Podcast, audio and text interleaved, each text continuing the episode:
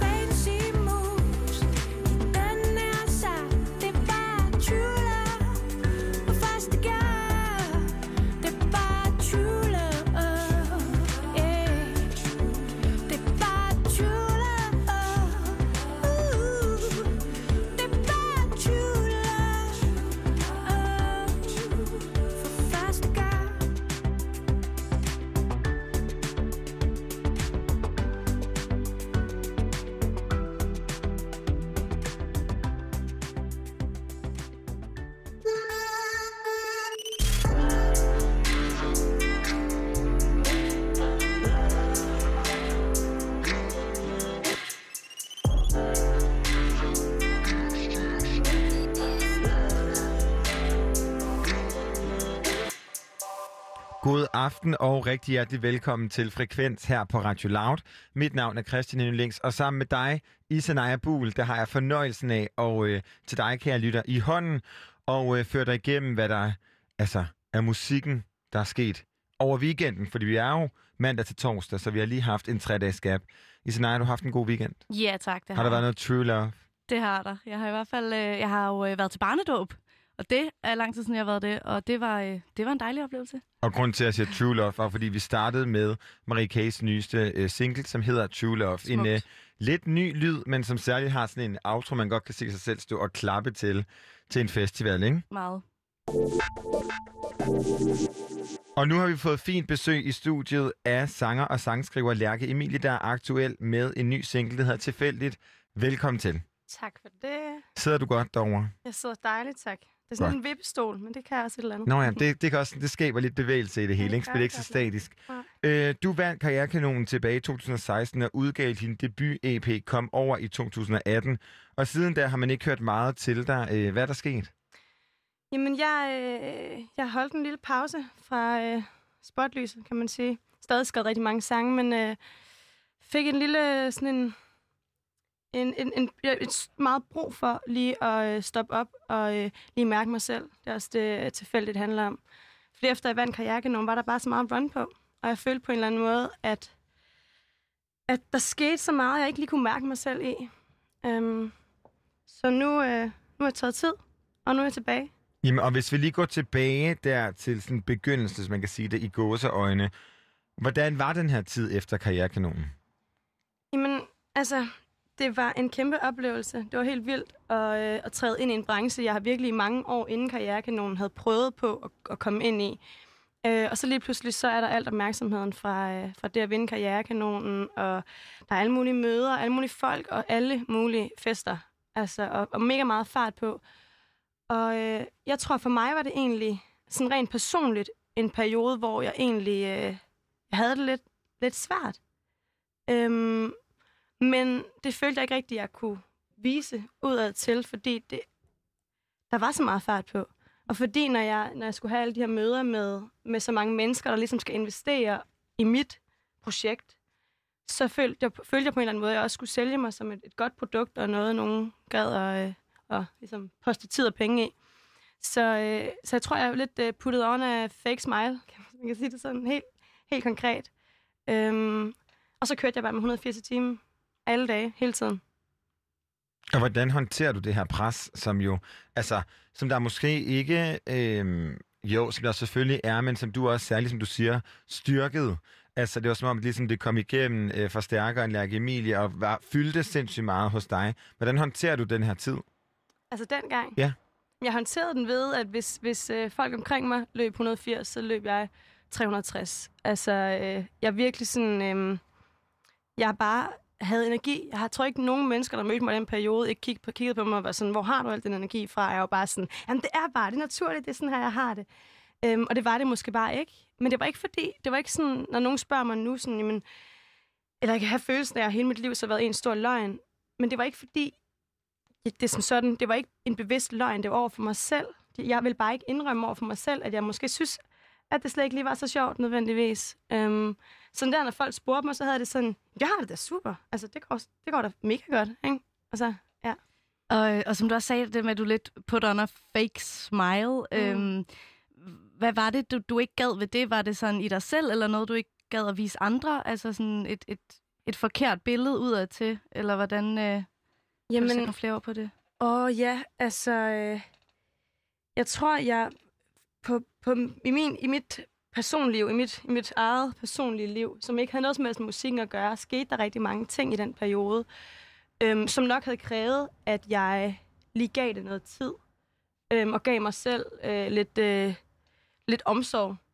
Øhm, og så i stedet for at gøre det, så, øh, så lød jeg som om det ikke fandtes, lød som om det ikke eksisterede, distancerede mig selv fuldstændig fra hvem jeg var og hvad jeg følte i mit bagland, og hvordan, hvordan resten af mit liv gik. Og så gik all in på personen, Lærke Emilie, koncerterne, øhm, imaget, de sociale medier også især, fordi det er jo der, man også på en eller anden måde har muligheden for at iscenesætte, hvad for en karakter det er, man er.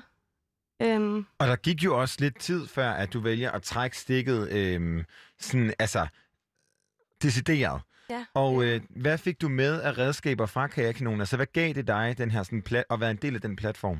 Jamen, det gav mig nemlig rigtig, rigtig meget, faktisk. Og jeg er også ked af, jeg synes ikke, jeg brugte nok tid med karrierekanonen, efter jeg havde vundet.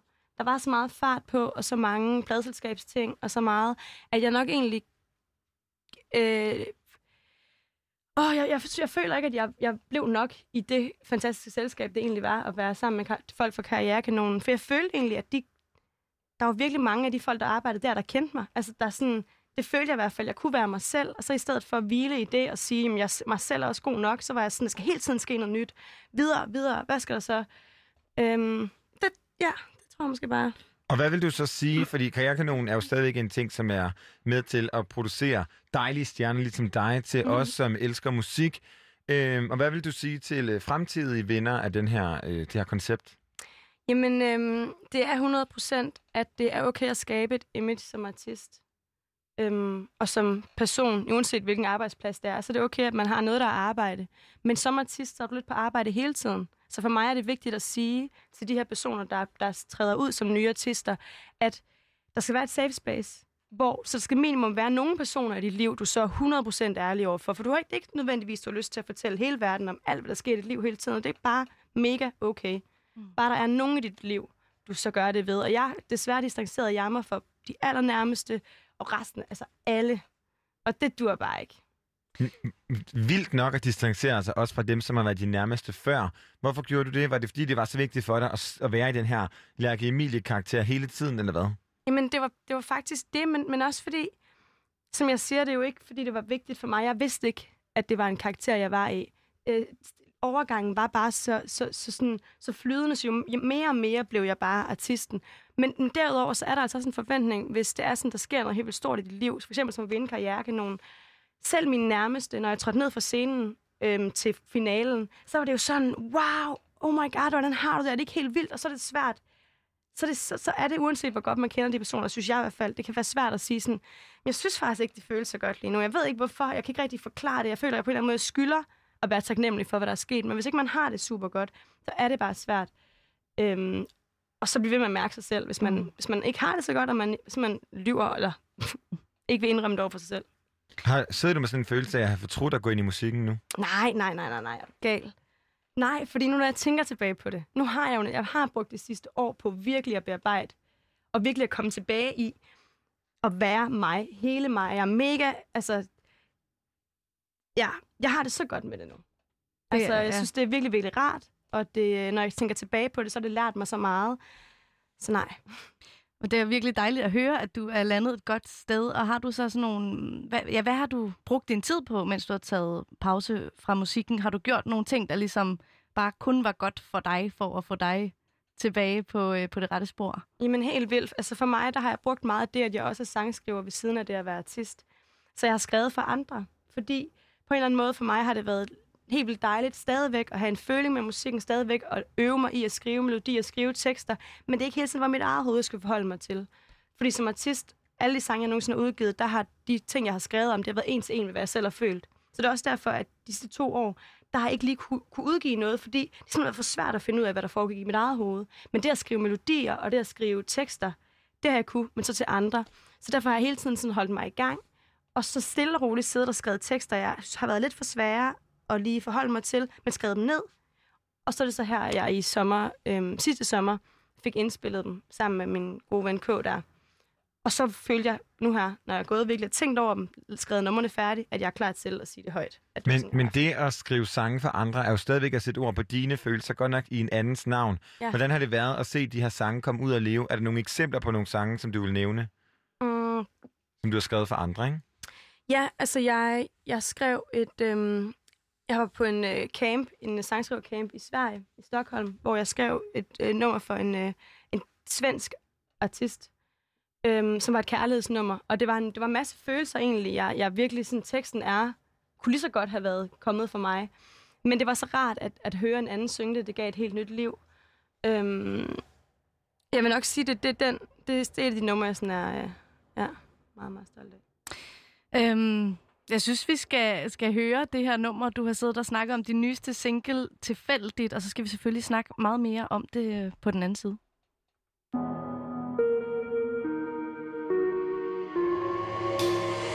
Det er ikke tilfældigt, mine øjne tager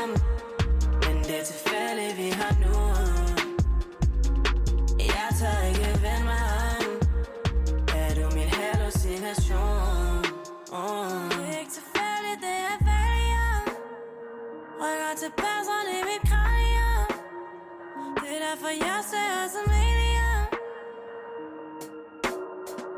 Det er ikke tilfældigt, vågnet op med brug for pusteren Yeah, det er ikke tilfældigt, at jeg skriver rundt. Yeah, og jeg ved godt, at jeg ikke lever sådan. Yeah, det er ikke tilfældigt. Det er ikke tilfældigt. Tilfældigt, mine øjne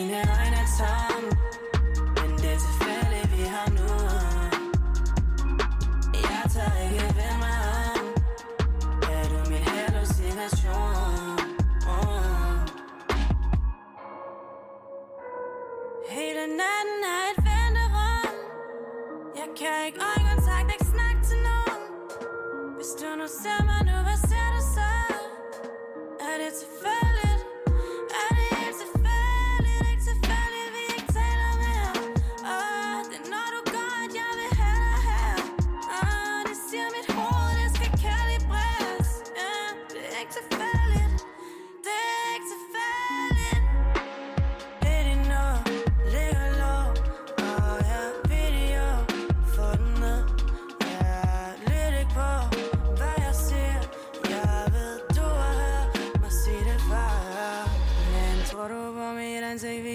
viser de ting, jeg ikke vil sige.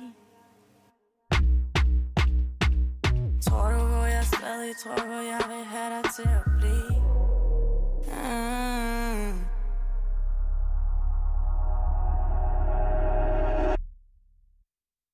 Det er ikke tilfældigt, mine egne tanker.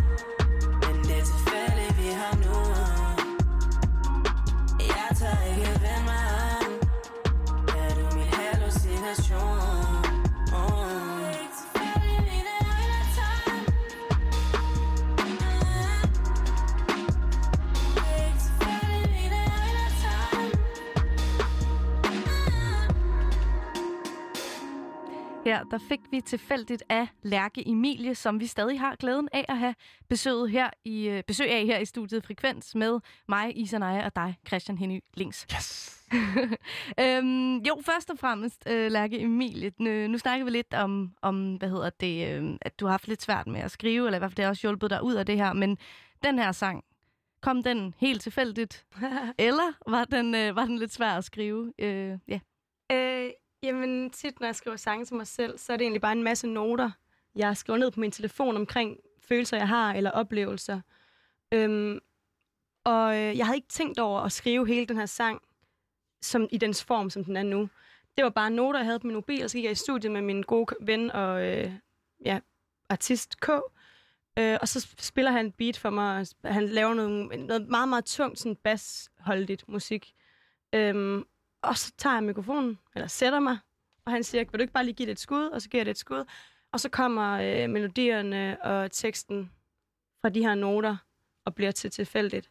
Selvfølgelig er den spidset til, men, men øhm, melodierne, og eller, øh, så hele indspillingen er fra øh, den første dag, vi var i studiet der. Og, og noter, Altså på det udgivende? Ja. Okay, det er vildt nok. sej. Ja. Men noterne, du så har skrevet ned løbende, øh, hvad, hvad, hvad er det blevet til for en sang? Altså, hvad handler tilfældigt om? Men tilfældigt handler om at øh, vågne op og være helt kørt over. Være sådan helt, helt tom for energi. Og, øh, og så følelsen, at man bare lige præcis ved, hvad man har brug for. Man har brug for at ligge, man har brug for at slappe af, man har brug for at trække stikket. Og så kan man bare se sin hånd, tage sin mobil og skrive sådan, hvor foregår festen i aften, og hvad skal der ske? Og, altså, så man på ingen måde lytter til, hvordan man egentlig har det. Så handler det om, at når man så er til den her fest, og der er alle de her mennesker, så virker det bare som sådan et, et eller andet tomt øh, klinisk venterum, hvor man har ikke lyst til at se, jeg har ikke lyst til at se nogen i øjnene. Jeg, jeg kommer bare lidt igennem den, egentlig bare holder mig selv på fødderne, for ikke at sumpe ned i, hvordan jeg rent faktisk har det. Og det handler øh, tilfældigt om. Og der siger jeg så i den, det er ikke tilfældigt, at, at jeg ligesom virker tom lige nu. Det, altså, det er jeg. Eller sådan. Og øh, som du også selv har nævnt et par gange, så er den netop øh, produceret i samarbejde med øh, rapper og producer K. Hvordan opstod det samarbejde? Ah, mit samarbejde med K, det har været øh, undervejs i sindssygt mange år. Øh, jeg tror egentlig før, eller lige omkring jeg var i karrierekanonen, så, øh, så er der en, en, øh, en rapper på Facebook, tror jeg, der skriver til mig og siger sådan, hey Lærke, jeg har hørt dine ting, og jeg bare lige siger, jeg synes, du er sej. Øh, har du lyst til at høre noget af det, jeg har lavet? Og så var jeg sådan, dem havde jeg fået et par af sådan nogle beskeder, men så lytter jeg til, hvad han har lavet. Og det er så K, og så er jeg bare sådan helt på røven over ham. Jeg synes simpelthen, han er så mega sej. Øhm, og så tror jeg bare, at vi altid har sådan vidst, at vi kommer til at skulle lave noget sammen en eller anden dag. Øh, og så har vi øh, lavet lidt nogle små ting hister her, men jeg besluttede mig så for, da jeg skulle skrive da jeg havde brug for at komme ud med de her følelser, jeg rent faktisk havde det. Jeg havde accepteret, du har det sådan her, Lærke. Alle dine noter viser, du har det mm-hmm. sådan her. Øh, så der var jeg sådan, hvem, hvem, hvem vil jeg lave det sammen med? Så kunne jeg kun komme i tanke om K. Fordi jeg føler, at hver gang vi har sat os ned og snakket om nogle af de her ting, så, så har det været naturligt for mig. Øhm, og det viste sig jo også, at da først han spillede... Altså det er næsten som om, jo tungere hans produktioner var, jo lettere var det at, at, at, at, at snakke om de ting, jeg rent faktisk havde øh, inde i mig. Så det, her- du har haft brug for den her sådan dystre øh, sådan setting for at kunne få dine ting ud? Ja, jeg tror, det er fordi, jeg, er der noget, jeg har svært ved ved mig selv, så er det den der sådan, omsorg over for mig selv, eller medledenhed over for mig selv. Jeg bliver, kan godt blive vildt apatisk. Så jeg tror, hvis, hvis numrene bliver øh, leder til omsorg, eller sådan, at de, de leder til noget klaver, det er noget smukt, det er måske en leder til, at man skal græde lidt, så kan jeg ikke. Altså, så bliver det bare sådan noget, hold din fede kæft, Lærke. Sæt dig ned. Ti stille. Kom så. så. Så hvis du skal sætte ord på, hvad K helt præcis har bidraget med til Lærke Emilie Universet, hvad ja. Vil du så sige, det er? Jamen, det der er helt hårde, helt tunge, sådan så at øh, jeg sidder der, er godt tilpas til, altså tænker, tænker at, at det er en hip-hop-vibe, jeg får, som er noget af det, jeg- som jeg altid selv har lyttet mest til. Så jeg får den der tunge hip-hop-vibe, alt er godt, og så mærker jeg lige efter i min, i min hjerne, fordi jeg ikke synes, det leder op til, til, at, til at, at, at give min lidenhed til mig selv, eller sådan prøver, eller, ej, det er svært at forklare. Jeg synes, det giver god det mening. god mening, ja. Øhm, men altså, havde, hvis man siger, din første udgivelse, som vi også skal høre øh, senere, som også er din mest streamede, mm. øhm, havde den haft en anderledes, anderledes lyd, hvis du havde mødt K på det tidspunkt? Nej, det havde den ikke, fordi jeg havde mødt øh, K på det tidspunkt, men øh, da jeg skrev, øh, da jeg lavede øh, Gør det med mig, der var det øh, sammen med en producer, jeg øh, var rigtig stor fan af også, og så rigtig er stor fan af en, der øh, lavede noget, der hed De Dødelige engang, Ulrik Schulst, øh, hvor at det var hans lyd. Altså dengang var det den, det var det state of mind, jeg ligesom, jeg ligesom det, var det, det var ham, jeg havde brug for, eller man skal sige. Og jeg tror, det er meget naturligt, at man som artist går igennem nogle faser i sit liv, og man har brug for forskellige genrer. Øhm, og sådan har jeg i hvert fald haft det. Så der er jo et stort skridt for at gøre det med mig til tilfældigt. Men det er mig begge dele, bare hver hver sin fase. Ikke? Og hvordan vil du så beskrive den her udvikling fra, hvis vi tager eksemplet med første single til øh, tilfældigt? Øh, hvordan er lyden ligesom... Ja, hvordan har den udviklet sig? Den har udviklet sig ved, og det kommer man også til at kunne høre på de næste udgivelser, jeg har. Den har udviklet sig med at gå mere, eller ved at gå mere en, en tungere, lidt mere øh, hiphoppet, øh, trappet vej. Øh, fordi det er det, der gør mig i godt humør for tiden. Det er det, jeg har brug for. Så det er også det, min musik udstråler. Øhm, og det kommer den også til at gøre på de næste numre. Ja, og du nævner jo nu, at de her, altså tilfældigt er en ud af fem sange, der er på vej, som alle sammen er produceret af K. Øh, betyder det, at der er en EP på vej, eller hvad? Nej, men faktisk ved jeg indtil videre kun, at øh, den næste, som hedder Holder Længe, øh, kommer til oktober. Det er det eneste, jeg ved. Altså jo, så kommer der... Altså, det er i hvert fald det, der er officielt lige nu. Okay. Der er ikke noget med, at de fem numre skal ud, hvornår de skal ud. Men øhm, det kommer de nok til over det næste stykke tid. Og hvad kan vi forvente på de her øh, fem kommende udgivelser? I kan forvente forskellige, øh, hvad skal man sige, faser og grunde og forklaringer til, hvorfor jeg har været væk. Så øh, det er, øh, det er noterne fra min telefon omkring den her periode, der kommer ud i forskellige afskygninger. Øh, solid bas, oh, undskyld, hver gang. Det kan jeg ikke. Er det, lige, er, det alt, er det hele lige så tungt, som tilfældigt er? Nej, det er det ikke. Okay, så der kommer også sådan lidt, øh, hvad siger man, ikke lyspunkter, men måske nogle lidt lettere produktioner. Det kan man sige, ja. Øh, og så det næste, det næste nummer, Holder Længe, er sådan et, øh, så det er et moshpit-indbydende øh, ja. hoppe-nummer. Så, så det er slet ikke fordi, at selvom om jeg taler om, om, om de ting, der foregår i mit hoved, at det sådan der bliver pakket ind på en, øh, på en tung måde. Mm. Det er tilfældigt. Øhm, men ja, Så vi det skal kommer, man vi kommer, høre. så vi kommer aldrig til at have sådan nogle, øh, sådan nogle øh, grædende... Hjerterimer øh, på smerte. Ja, fuldkommen sådan- hjerterim på smerte stryger i en øh, Lærke Emilie sang, eller hvad? Uh. Måske mix. Jamen, hvis det er det, jeg har brug for en dag, så Ja. er det det, jeg Okay. laver. Så, så det vil jeg faktisk ikke. Så det er meget intuitivt. Det er det. Sejt. Det er meget, hvor du lige er nu i dine følelser, måske. Ja, præcis. Ja. Men også netop, hvad der, hvad der er kom, Mm. kom, kompagner. Hvad hedder, hedder det? Det var ja, rigtigt. Ja, men det er, Er det også, ikke- det er det er også et svært ord, jeg har at svært sige, at sige. ikke? Akkompagnere, ja. Øh, alt efter, hvad der får mig til at ville sige, hvordan jeg har det lige nu. Mm. Mm. Fordi der er et eller andet, der er bare den der virkelig, klappen går ned, hvis nogen spørger mig, hvordan har du det? Og så det, settingen ikke er, ja, hvis den bliver for følsom. Mm. Sådan er det lige nu. Det er ikke så, at det er sådan om lidt. Det ved jeg ikke. Nu har vi snakket meget om det her med, hvordan du har haft det og sådan noget, og, Mm. og øh, du har også udtalt til, til Bands of Tomorrow, at du engang følte, at du var med til at, at bidrage til sådan et poleret og forvrænget billede af virkeligheden, som du ikke længere øh, vil være en del af. Øhm, vi har været lidt inde på det, men sådan, kan man høre din musik også på en eller anden måde, at du har brudt med det i, i lyden? Og sådan? Jamen, det, jeg vil i hvert fald sige, at, at mine nye numre ikke lyder smukke. De er ikke smukke, der er ikke noget som helst smukt over dem. Øhm, vokalerne, som jeg siger, de er, de er mere baseret på, at de skal føles, end de skal nydes. Skal jeg, altså, jeg, det næste nummer, der råber jeg lidt på, og sådan noget. Altså, du ved, Fedt. det, er, det, er en, det hele er en følelse. Men kan, er det ikke bare at producere en ny virkelighed, som er sådan en, øh, en selekteret del af dig? Eller hvordan? Altså, hvordan gør man op med det der med?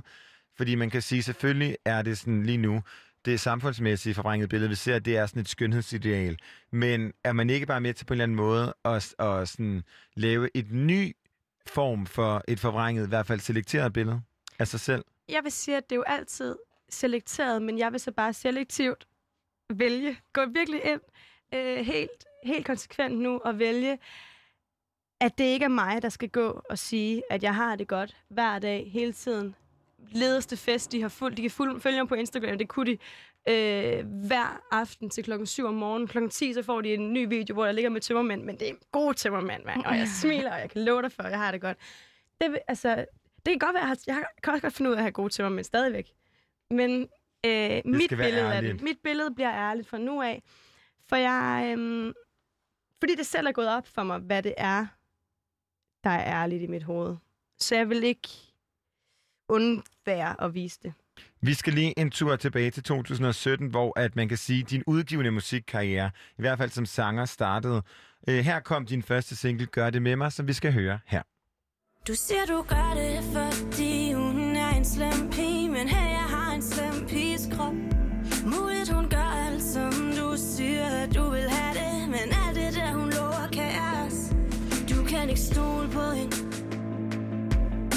kan ikke regne med hende. Ja, hun roser dig til skyerne. Med hænder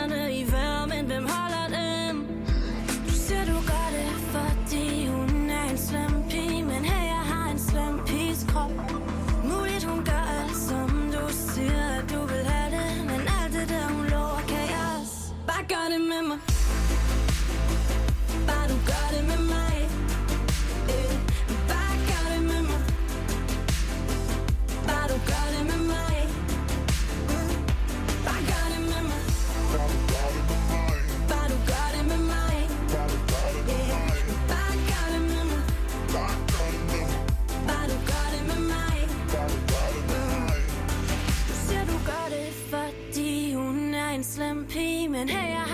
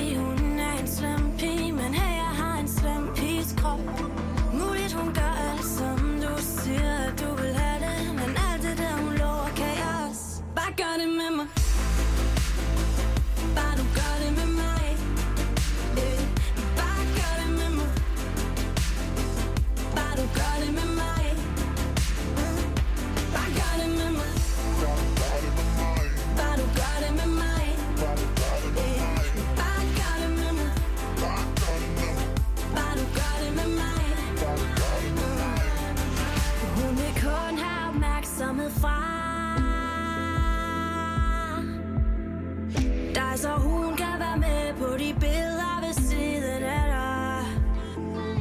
Jeg tror det må gå op for en. Ikke tænk mig at dele med hende. Det er ikke mig at være bred Men pige du skal ikke prøve mig. Bare kom jeg bider hovedet af dig. Ved ham for mig selv, ja. Tag dig ud med de marts ligesom Cæsar. Bare gør det med mig. Bare du gør det med mig. Ey, Bare du gør det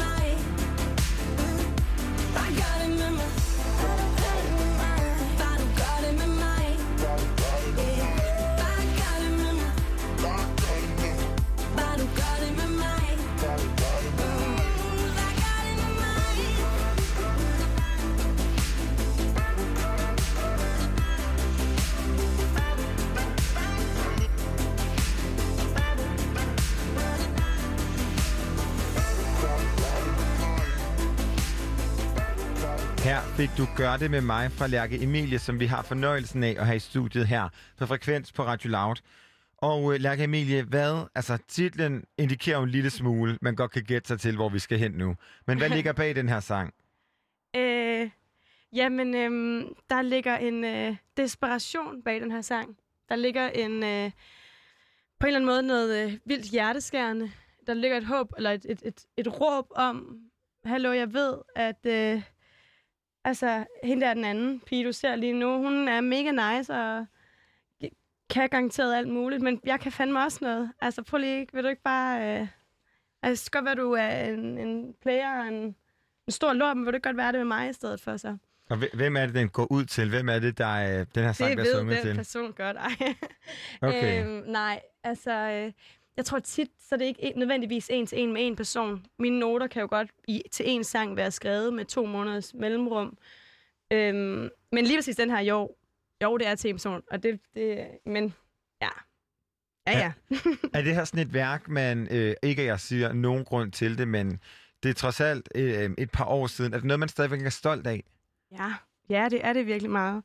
Det eneste, øhm, det eneste, jeg kan sige, nej, jeg vil ikke sige, det er ærgerligt. Jeg er helt vildt stolt af det nummer, og det har givet mig sindssygt meget. Men, men selve øh, øh, fortællingen omkring den historie, føler jeg ikke blev dyb nok. Jeg føler øh, lige på det, på det, dem, jeg arbejdede sammen med på det tidspunkt, øh, mit pladselskab, og jeg kunne ikke helt, synes jeg, få vist den side af det, der var sårbarhedssiden. Jeg synes meget af, af vægten på promovering af det her nummer blev netop gør det med mig. Og den sexede del af det. Og der synes jeg, åh, det mangler lige det sidste lag, fordi jeg var æderrøvme ikke, jeg følte mig æderrøvme ikke sexet, da jeg skrev det her nummer. Øhm, Men det er jo det, der, det er, jo det, der er fedt ved, at du kan også komme ind her og fortælle det, fordi jeg havde klart også kun set det her som en... Øh, altså sådan en, en, en sexet, altså sådan en empowering ja. sang. Mm. Det der med sådan, at jeg har også en, en slem piges krop, altså Ja. gør det med mig. Ikke? Mm. Øhm, og netop sådan en sangskrivning, som jo øh, i alle dine tekster har flere facetter, gad jeg godt at snakke lidt om, fordi hvad lægger du vægt på, når du skriver en sang? Øhm, jamen, jeg kan godt lide det subtile i ting, men jeg kan også godt lide hverdagssproget. Jeg vil helst gerne kunne gå ned fra scenen, når jeg har spillet en koncert, og så nærmest kunne sige ord, ord for ord mine tekster. Øhm, men jeg kan også godt lide, at der er nogle ting, en samtale, eller et eller andet, jeg fortæller om en samtale, og så var det i virkeligheden, vi snakkede om noget andet, men den kan lige så godt passe på, at det er, at det er den her følelse. Eller sådan, jeg kan godt lide øh, det subtile i fortællinger, hvis det giver mening. Det gør det, men hvordan har det udviklet sig på de her seneste fire år, hvor at du både har øh, skrevet dine egne sange, men også skrevet sange for andre? Det kommer an på artist, jeg skriver sammen med og til. Øh, fordi det, inden jeg går i session med nogen, jeg skriver for, der er det meget om at sætte, sætte mig ind i, hvordan skriver de? Altså, hvordan, øh, hvad er deres fortællinger? Har de lyst til at skrive helt vildt nært? Skal jeg, skal jeg sådan prikke til dem og spørge, hvordan har du det nu, og hvad med din barndom? Eller skal vi bare sige, nu går vi ind, skriver et nummer, og det skal handle om kærlighed, mm. eller et eller andet. Det kommer an på artisten, det kan jeg ikke øh, sige. Jeg ved for mig selv, skal det være en til en med, med ting, jeg kan se i øjnene på, på mit publikum, når jeg kommer ned fra scenen. Og det var også derfor, jeg ikke har kunnet udgive det sidste to år. Er det fordi, jeg vildt ikke kunne se nogen i øjnene og fortælle? Og øh, meget på det at være stolt, så er det jo noget tid siden, at du har optrådt live. Det er også dit øh, første radiointerview i lang tid, Ja, øhm, og det er vi glade for at have æren af. Øhm, og øh, på lørdag skal du spille i Byhaven. Hvad glæder du dig mest til ved at stå på en scene igen? jeg synes, det bliver vildt mærkeligt og, øh, og vildt fedt at spille alle mine gamle numre med mine nye øjne. Øhm, fordi jeg har i al den tid, jeg har optrådt live, der har jeg følt, at, øh, at når jeg har mødt mennesker, så har jeg ikke, det har ikke været mig, der har set ud gennem, gennem mine egne øjne. Jeg har stået og kigget på for sidelinjen, mens jeg har stået optrådt. Så har jeg sådan bare stået og kigget på mig, kigget på publikum og set Lærke Emilie optræde. Jeg glæder mig til at stå der og så kigge ud selv på publikum. Mærke de ord, jeg har skrevet for lang tid i forskellige perioder, og mærke dem, mens jeg står på scenen. Det, den følelse tror jeg bliver en anden. Men gør det da også sådan ekstra nervøs at skulle ud nu i en lidt ærligere, eller sådan en Lærke Emilie 2.0 version, og se, hvordan et publikum tager imod mod det? Nå, men jeg er ret sikker på, at øh, jeg er ret sikker på, at min autopilot dengang var så kalkuleret, eller at og så god, eller man skal sige, at det var faktisk også mig. Så folk for dem. Jeg er ikke sikker på, at publikum kommer til nødvendigvis at mærke noget anderledes. Men det bliver en anderledes følelse for mig. Øhm, man kan i hvert fald sige, at publikum ved nu, hvordan Nå ja, at du havde det dengang, og hvordan at øh, de refleksioner, du har gjort der, og et nummer, som også er fra den tid øh, med Karrierekanonen, og som du glæder dig til at spille, det er Vega Guld. Vil du ikke lige introducere det, inden at vi lytter til og skal quizze på den anden side? Jo, af guld, det er øh, et af de første numre, jeg, jeg skrev, som jeg fik øh, professionelt produceret. Øhm, og øh, det er meget mere, øh, der er mange flere sådan, billedsprog i det nummer, fordi jeg øh, var så et sted i min sangskrivning, hvor jeg vidderligt synes, det var vildt svært at fortælle selv på sangene, hvordan jeg rent faktisk havde det. Så der pakkede jeg alting ind i øh, nogle øh, metaforer, Hvorimod jo mere jeg kan lære mig selv at kende, jo mere turde jeg godt sige, om ikke andet så på mine sange, hvordan jeg rent faktisk havde det. Og så bagom til nogle andre har jeg aldrig, turde jeg ikke snakke om det, men ligesom på sangene, der var sådan et heldigt sted, stille og roligt. Hvor øh, hver Guld er klart, det, den er meget subtil. Jeg tror, det er svært for folk nødvendigvis at forstå præcis, hvad den handler om, men øhm, det, øh, jeg, det er et nummer, jeg, jeg selv hele tiden ser, mærker nye lag af, hver gang jeg hører det. Og inden vi øh, skal høre det, vil bare lige på det. Hvad er det, der, hvad er det, der gør, at du glæder dig til at, at optræde med det her nummer igen? Fordi det er så lang tid siden, jeg har skrevet det, og jeg kan mærke, jeg kan huske, hvordan jeg havde det, da jeg sad og skrev det. Jeg kan huske, hvor bange for at ligge... Altså de følelser, jeg havde omkring det nummer, eller de følelser, jeg havde, da jeg skrev det nummer, var jeg så sindssygt bange for rent faktisk at sige højt. Så nu, hvor jeg skal performe dem igen, med min nye viden omkring, hvem jeg er, og min nye mod på at være ærlig, der tror jeg bare, det bliver en sindssygt fed oplevelse. Her kommer Vægge af guld af Lærke Emilie.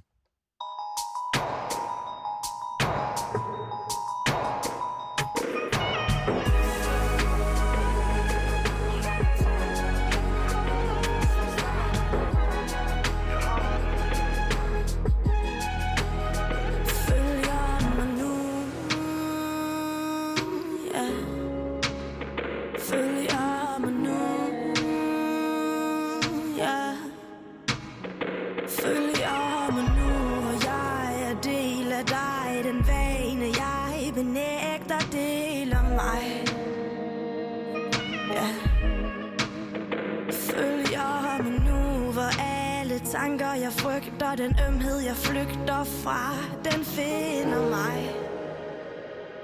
Se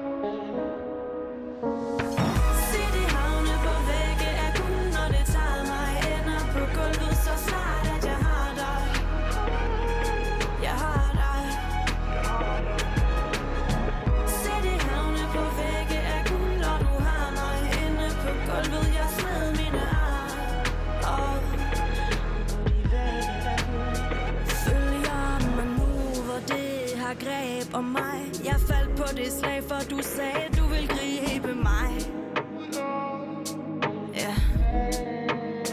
Følger mig nu Se os som vi står her Og troede der var mere Men vågner med spørgsmålet om Hvor vi er. Mm. Ikke tro at jeg ikke savner dig. Det gør jeg. Ikke tro at jeg ikke elsker dig. Kører gennem mit system Og larmen den har lammet begge mine ben. Jeg er på det sted, hvor asfalt er som trampolin Hopper højt for ikke at lande, før det er for sent. Se det havne på væggen.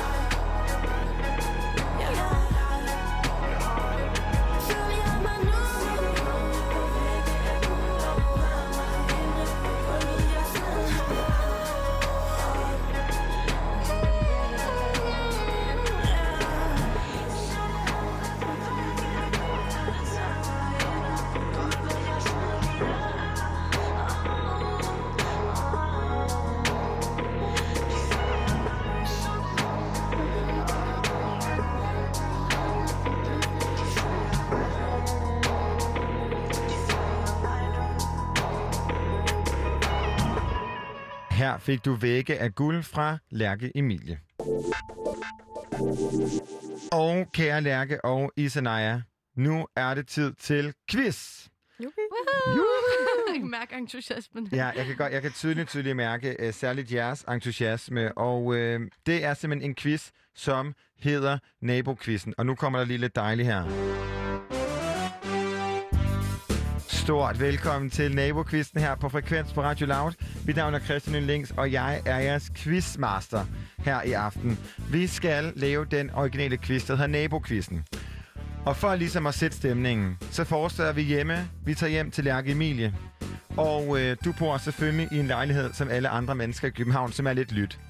Ja.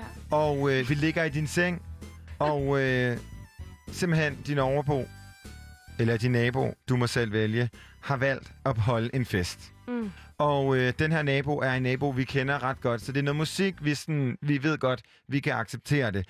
Fordi vi er nødt til at acceptere det, fordi det nytter ikke noget at gå op til personen og sige, skru ned, de tænder bare igen. Mm. Så quizzen er, vi har besluttet os for os tre, at vi skal gætte, hvilke sange der er, der bliver spillet deroppe. Et point får man for sangtitlen, to point for kunstneren. Der er ikke nogen regler med, at man skal sige en lyd først. Man skal simpelthen bare råbe, hvad man kan. Kunstneren skal nævnes før sangtitlen. Okay. Er du med, Lærke Emilie? Det Isenaya jeg har prøvet den her Ja, først. det har jeg. Men det gik Okay. ikke godt, så du skal ikke være bange, Lærke. Ja, jeg bliver lidt nervøs, det Ja. kan jeg godt. det gør mig. Okay, Så man men nu, bare nu ligger vi her alle sammen i Lærke Emilies seng, og der så kan vi bare høre, at bassen begynder at pumpe. Det er Medina, og det er kun for mig. På et Okay. sekund, seriøst. Øh, øh, øh. Okay, Lærke Emilie, tre point.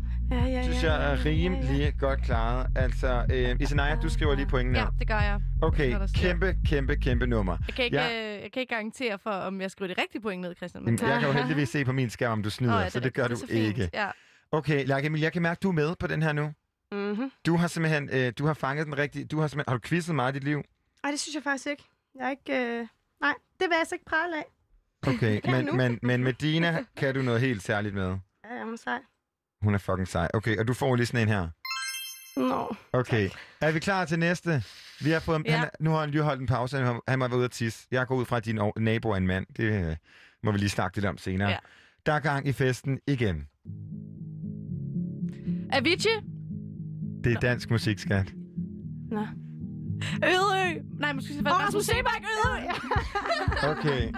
Isanaya får Okay, et men det er point. faktisk ikke min stærke. Det er rigtigt. Lærke Emilie får to point. Okay. Fair, fair, fair. Jeg får to ar. Ja, men du, fordi du fik jo... Øh, jeg skulle Okay. sige kunstner Man skulle først, sige ikke? kunstneren først. I får lige lidt. den her. Fedt. Men Tak, det var sådan en klappe, hvor man lige... Ja, Ja. hvis det Det er der der. nede på en lille ø. Okay, ja. Og vi er Fedt, videre tak for det, til ja. næste sang. Mhm. Det er sgu da... Det er sgu da... Det er sgu Det er da... en rigtig bad Joe- boy. Burhan G, Joey Moe. Øh, hvordan? Er det rigtigt? Okay. Du har sagt Jeg vil noget så rigtigt. gerne være din Og så kæreste hedder det... Bad boy. Hvis du vil have det, vil jeg gerne være din bad boy. Det hedder Nej. Det er ikke det, den hedder. hedder den? Men Lærke Emil, du skal lige sige den rigtige kunstner. Sig en af dem. Hvem er det, der synger nu? Øhm, jamen, det er da Burhan G. Godt. Men, To øh, point til Lærke Emilie. Hvad hedder den? Øhm, øh, væk herfra. Mm-mm. Jeg tager alle ord, jeg kan fra den sang, og bare gætter. Herfra.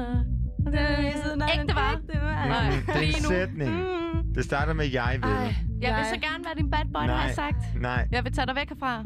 Hvad er det? Nej, hør nu. Ægte. Jeg vil have dig for mig selv, sgu da. Ja. Nå! Undskyld, jeg bander. Ja. Jeg vil have dig for Okay. mig selv. Hvor mange point fik? Så jeg fik Øh, Du et, fik et, og og Lærke Emilie fik to. Nå. Okay, og så Joey lige... Moe. Ej, undskyld derude. Sorry. Ja, er undskyld. nu. Imens at vi lige øh, holder stemningen høj, så får vi lige et stemningsnummer. Her kommer, når tiden går baglæns fra Clara Sofie.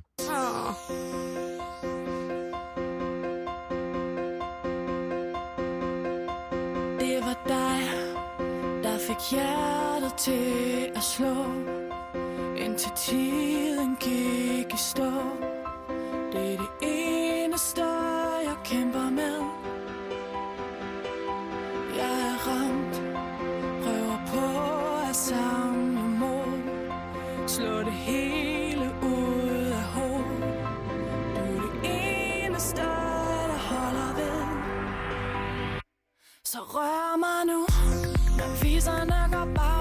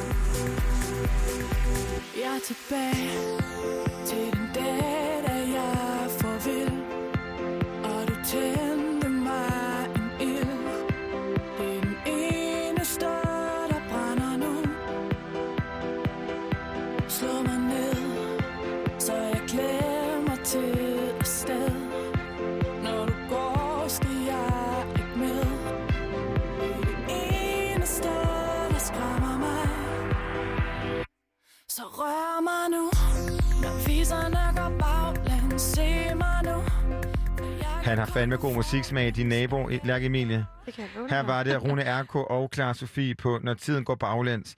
Og øh, vi skal lige have lidt stemning igen, for det er nemlig stadigvæk quiz. Vi har selvfølgelig nabokvisten her på Radio Loud, og Isanaya, min øh, assistent, medvært og Lærke Emilies konkurrent lige nu. Hvad står der? Der står, øh, jeg skal lige regne ud, fordi det er jeg ikke så god til, 3, 4, 5, 7 har, øh, point har Lærke Emilie, og jeg har to. Hvordan føles det at føre, Emilie? Det føles dejligt. Det føles rigtig, rigtig dejligt. Det må jeg sige. Kan Og vi må se, om I også synes, det er dejligt, hvad øh, altså, det nummer, som de naboer sætter på nu. Uh, det er, det er Joey Moe.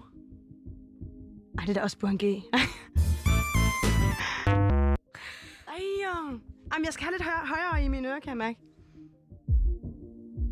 Det hedder, men jeg kan, man må ikke sige det, hvad det hedder. Mm-mm. Det er sandt, med alt står på denne mur mellem du og jeg. Og så, hvad, What? hvad er næste sætning? Det burde ikke være sådan her. Det er, Tak. altså, Det er jeg glad for. Ja. Så der fik jeg tre point. Tre point fik du der. okay. Hmm. Det er simpelthen, Okay, det, det, Lærke, det men går du er ikke. en Santa-pige, eller hvad? Det er der man vel altid, men, men, øh, men nej, det, det Lad os se, om den her næste sang er mere dig. okay. Det er outlandish med Aisha. Ej, hold da op. Nu går det da helt galt. Sorry. Det, det er mig, der kan det her. Skud til Saki.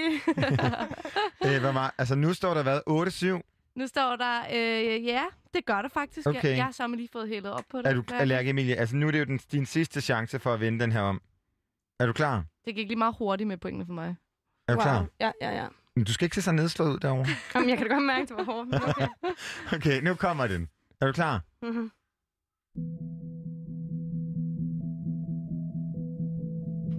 Okay, at I ikke har fanget den nu. Ej, Mal- okay, det er sgu da Sys Bjerre Malene. Ej, sgu da. Fuck ja. ja. Astrid, Ja. Astrid, Astrid. Afsted. Afsted, Okay, der. flot. Det tog lidt tid. Ja. Super. Kæmpe nummer. Og for at vi Lige på ligesom... et hængende hår. Nu har, vi, nu har altså. vi lige fået kontakt til naboen. Øhm, så kan du ikke lige fortælle os, hvilken sang du gerne vil... Han har givet dig lov til at ønske et nummer. Hvad vil du gerne høre? Øh, først og fremmest vil jeg sige tak for en god aften, jo. Ja. Og så vil jeg gerne have K med Føles Godt. Tak. K føles godt. Og øh, imens jeg lige finder det, kan du så ikke lidt prøve at beskrive den her nabo? Hvordan tænker du, hvordan ser det ud hos ham? altså, han har trods alt både spillet og, uh, Outlandish, Suspiria og Sander på en aften. Han er sådan en, der spiller øh, Playstation på gulvet foran fjernsynet. Ja. Rigtig Og meget. der er rigtig mange pizzabakker. Jeg kan se, han går ikke så meget tit ned med skraldet, men når han gør, så er der virkelig mange pizzabakker. øhm, ja, jeg havde ikke lige regnet den med Sander. Den var ny i dag, men altså... Ja. Øh, ellers så er han meget chill. Men du vandt jo med 10-8 over Isanaya. Jeg synes, det er godt klaret begge ja, to. tak. Øhm, og øhm, inden at vi siger farvel og tak, og tusind tak, fordi du kom i dag, så fortæl os lige, hvorfor vi skal høre Føles Godt med K og Emil Kruse. Altså udover det, at det var en vindersang, jeg skulle vælge, og det jo i sig selv føles ret godt, så, øh, så glæder jeg mig bare til at øh, fyre den af sammen med ham øh, live på lørdag i Byhaven Pumpehuset. Så derfor vil jeg gerne lige varme lidt op. Og med det, tusind mange tak, fordi du kom. Vi ses snart igen. Her kommer Føles Godt fra K og Emil Kruse.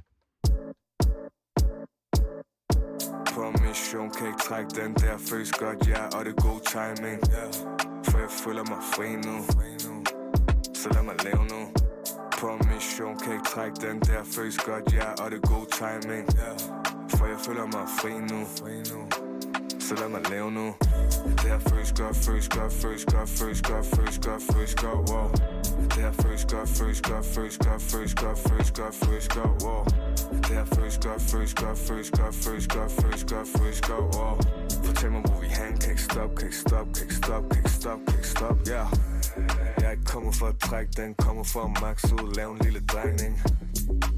Jeg kan mærke viben, kan ikke mærke solen, kan ikke mærke regnen.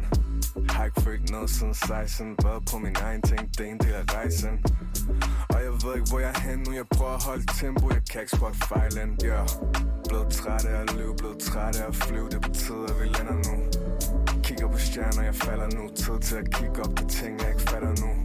Det føles godt, ikke nok i min kop Nu er vi op til en flow TikTok. Og jeg var kommet for at smile. På at tjekke min profil. Gør det her med god stil, ja. Yeah. På mission kan ikke trække den der. Føles godt, ja, yeah, og det er god timing. Yeah.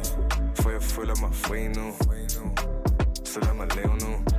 På mission kan ikke trække den der. Føles godt, ja, yeah, og det er god timing. Yeah. For jeg føler mig fri nu. Så lad mig leve nu De her nætter, de er længere end de var før Rundt i gaderne, som om jeg ikke var barn før Jeg tænker, hvad de tænker, som så mange gør Kan ikke mærke kulden længere, kunne ikke mærke varmen før Her fik du Føles Godt af K og Emil Kruse. Et nummer, som altså var valgt af vores gæst her til aften, Lærke Emilie, som vandt quizzen. Nu er klokken 19, og vi skal til en omgang nyheder.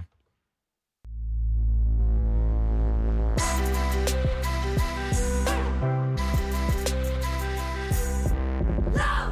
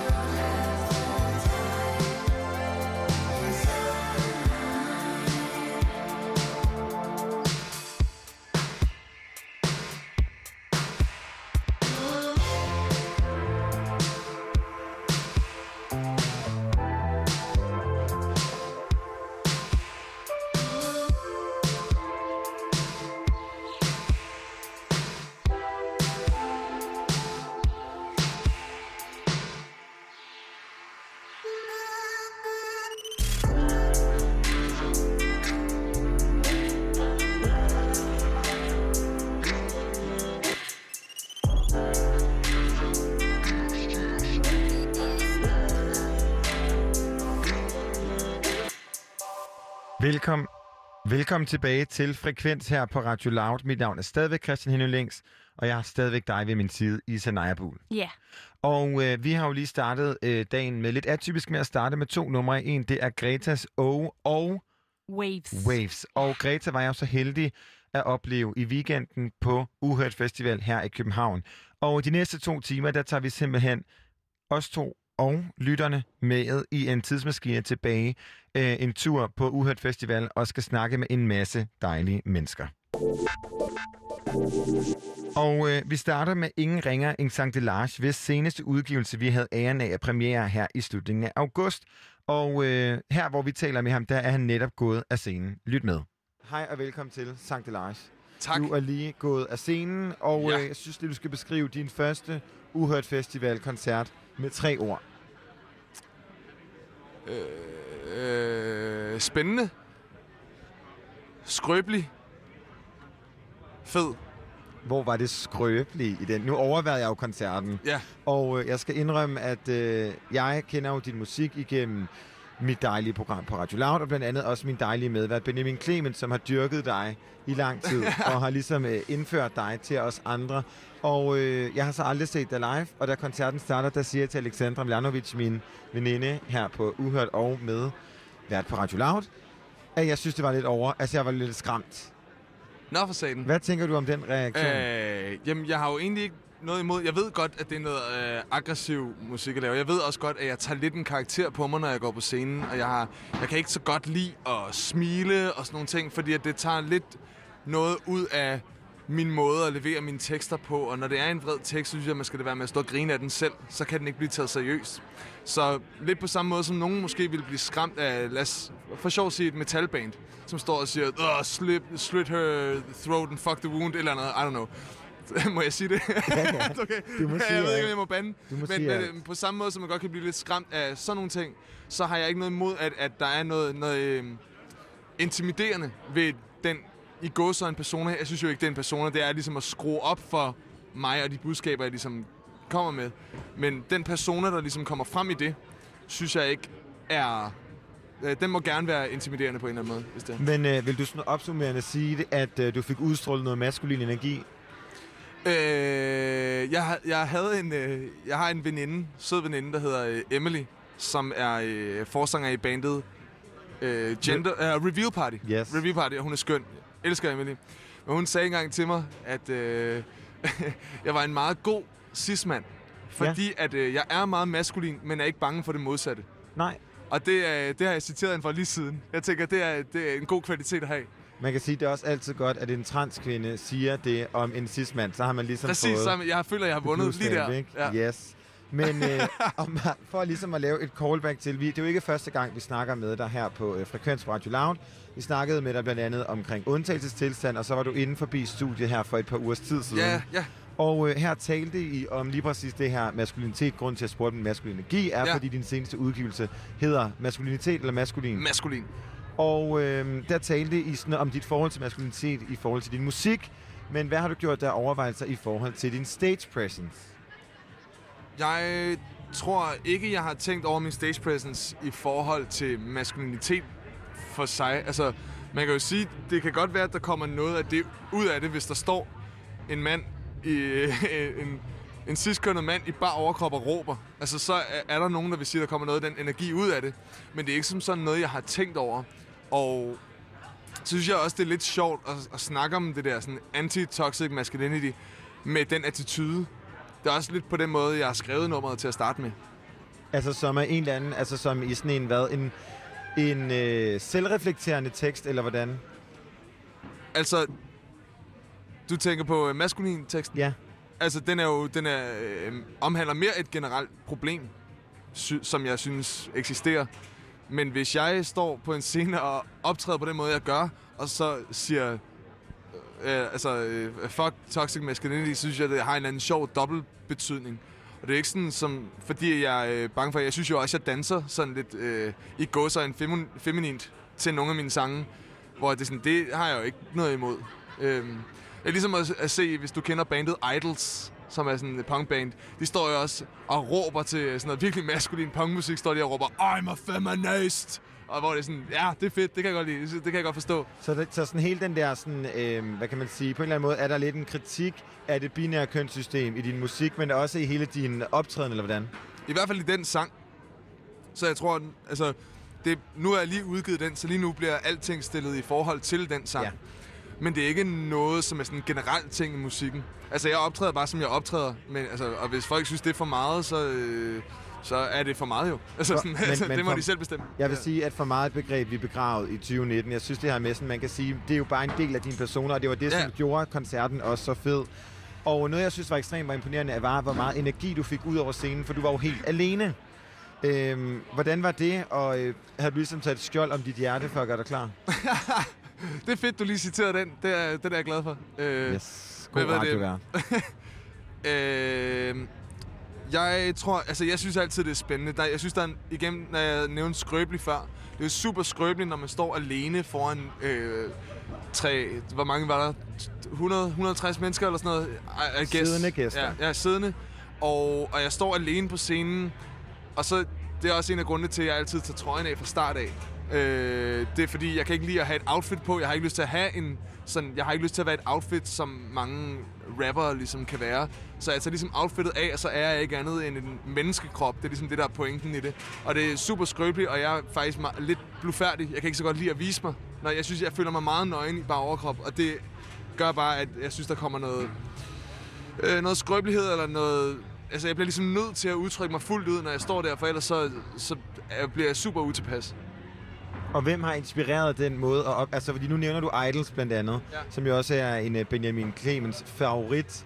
Øh, hvem, har, hvem har inspireret den her måde? Fordi på en eller anden måde, så øh, var der nærmest sådan et performancekunst over det. Death Grips. Ja? For Jeg elsker Death Grips. Uh, Death Grips er sådan et... Uh, det kender du ikke? Nej. Death Grips er sådan et... Uh, det er sådan noget halv hip-hop, halv punk, super smadret elektronisk noget med en dude, der bare står og råber. Og jeg så dem på uh, Roskilde sidste år, hvor at de gik op klokken 2 om natten på uh, Arena, og de havde intet andet end en rød bagskærm, som bare lyste dem ind i ryggen, så det var bare tre silhuetter.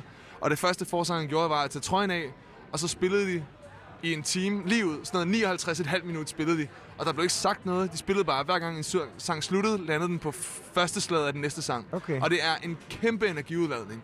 Og jeg ved ikke, om det var en forfærdelig eller en fantastisk koncert. Det er meget svært at lige regne ud. Men det der med at være sådan, nu tager jeg lige trøjen af, inden vi begynder, så ved I ligesom, hvad I går ind til. Tog jeg bare med mig.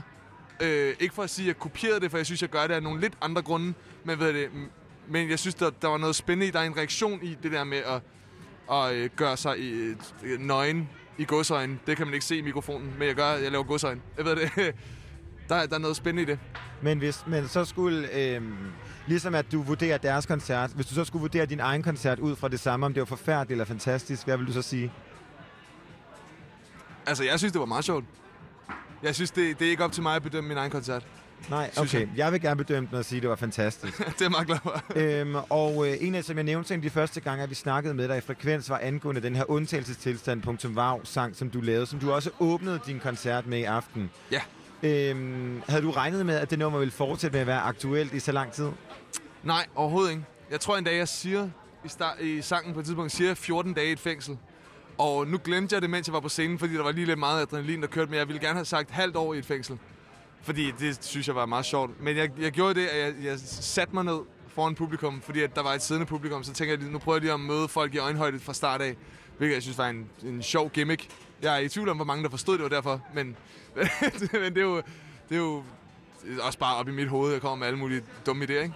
Og særligt den her sådan, sårbarhed, synes jeg også kom til øh, syne, og det er måske træls, at jeg nævner et glitch, der var, men det var virkelig som, som publikum, var det sådan en, hvor at den der øh, illusion om, eller ikke illusion om det, men det var et kig ind i dig, som jeg virkelig synes gav meget til koncerten, der hvor du siger, fuck det, og starter forfra. Øh, der, jeg ved ikke, hvad der, der skete et eller andet. Nå, jo, Ja. jo, jo. Hvor, sang, hvor Ja.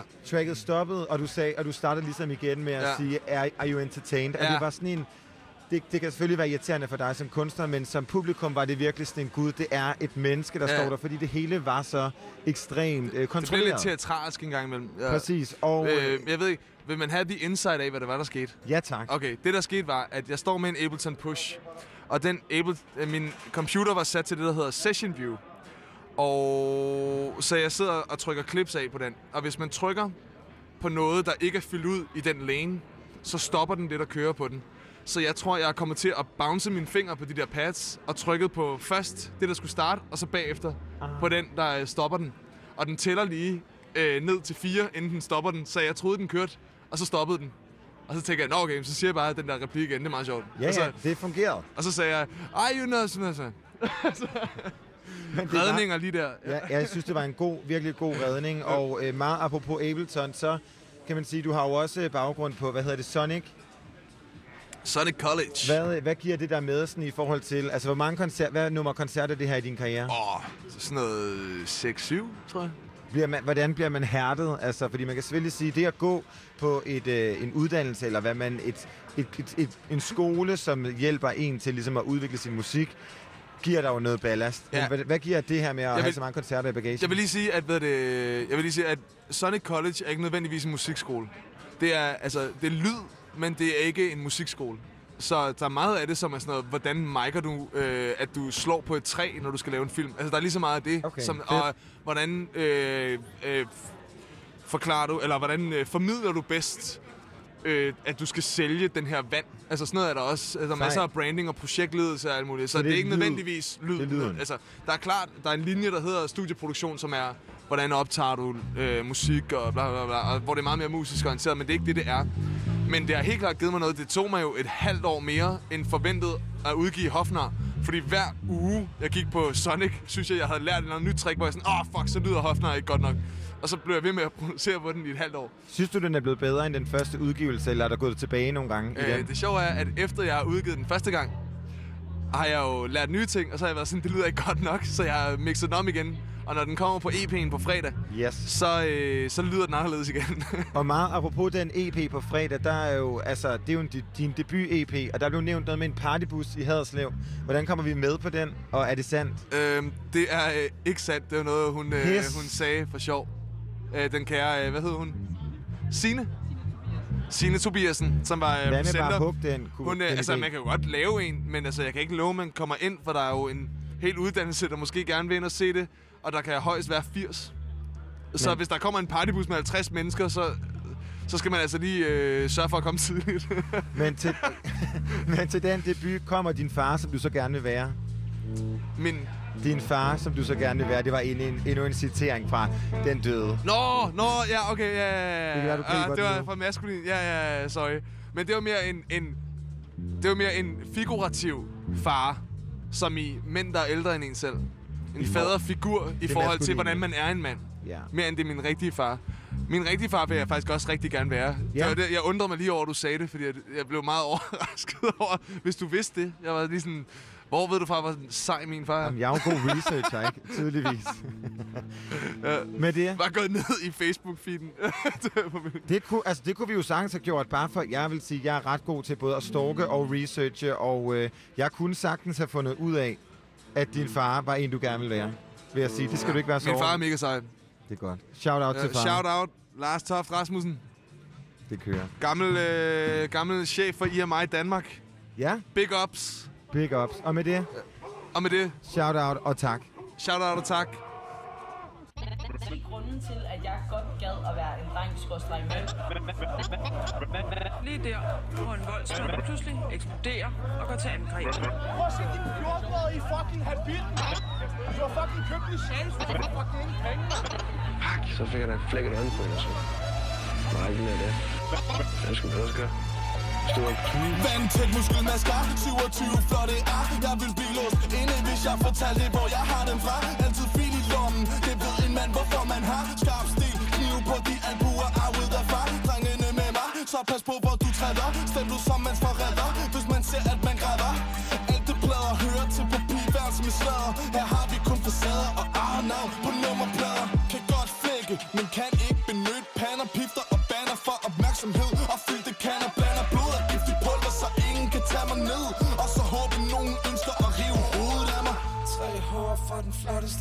kvinde Krak korset på kroppen, superlim.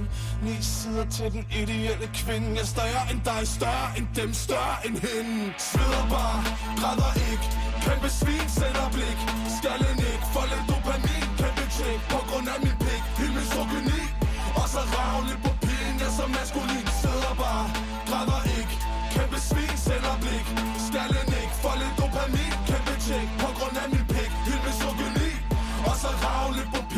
så maskulin. En af dem, der glemmer navnet på den, jeg knipper. Og giver en sviner, for så ved jeg, hun bliver nemmer Hun ønsker ikke andet, så vidt at jeg fornemmer. Intet andet end et hylster til mine lemmer. Kender dem kun som objekter, men kun er de uden defekter Det eneste, jeg gør det, så hvad er det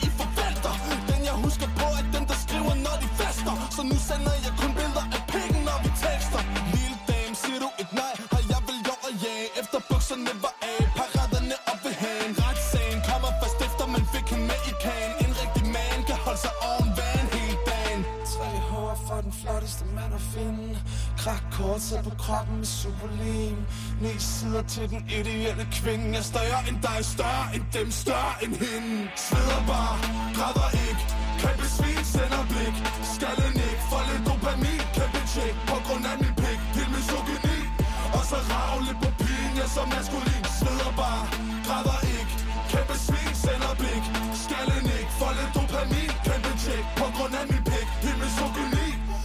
Ravle på pigen, jeg er så maskulin Sveder bare, græder ikke. Kæmpe svin, sender blik. Skallen ikke, for dopamin. Kæmpe tjek, på grund af min pik. Din misogyni Og så ravle på pigen, jeg er så maskulin Sveder bare, græder ikke. Kæmpe svin, sender blik. Skallen ikke, for dopamin. Kæmpe tjek, på grund af min pik. Din misogyni Og så ravle på pigen, jeg er så maskulin Herre, jeg betvivler ikke din maskulinitet.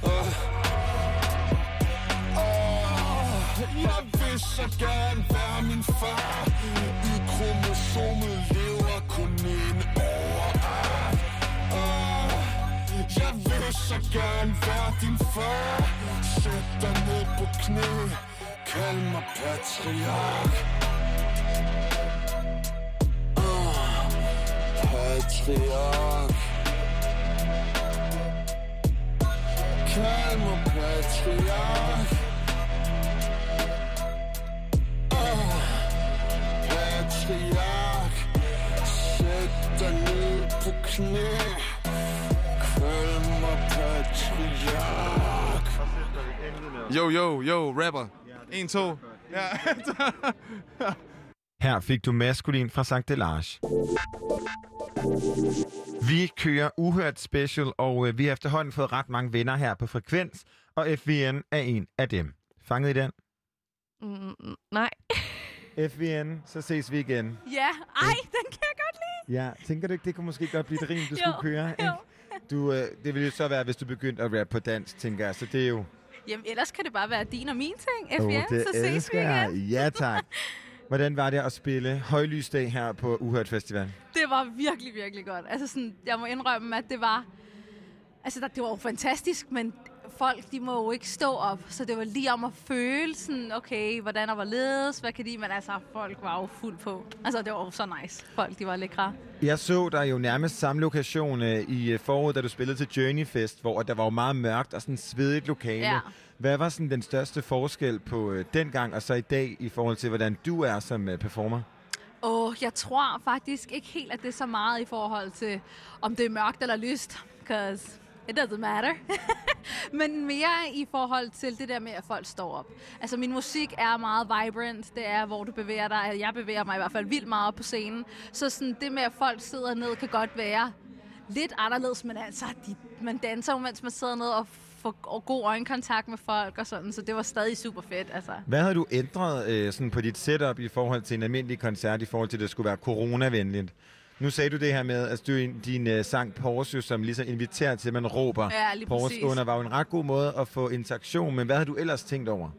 Altså, jeg tror faktisk, måden i rækkefølgen, vi havde, øh, det er ikke den samme rækkefølge, som der var til Journey, fordi at det ligesom lagde op til, okay, nu går der en fest i gang, men ligesom at det var mere sådan op og ned, og åh, oh, fedt, jeg har min setliste her. Jamen altså det med, at det, den, der, der var ændret på, på rækkefølgen af numrene, så folk ikke ligesom blev sådan helt pumpet op, men at der var en god balance, og så er det der med pause selvfølgelig, at få folk til at, at synge med, i stedet for at danse med, ikke? Men prøv lige at dykke lidt mere ned i det i forhold til setlisten, fordi det er jo ret interessant.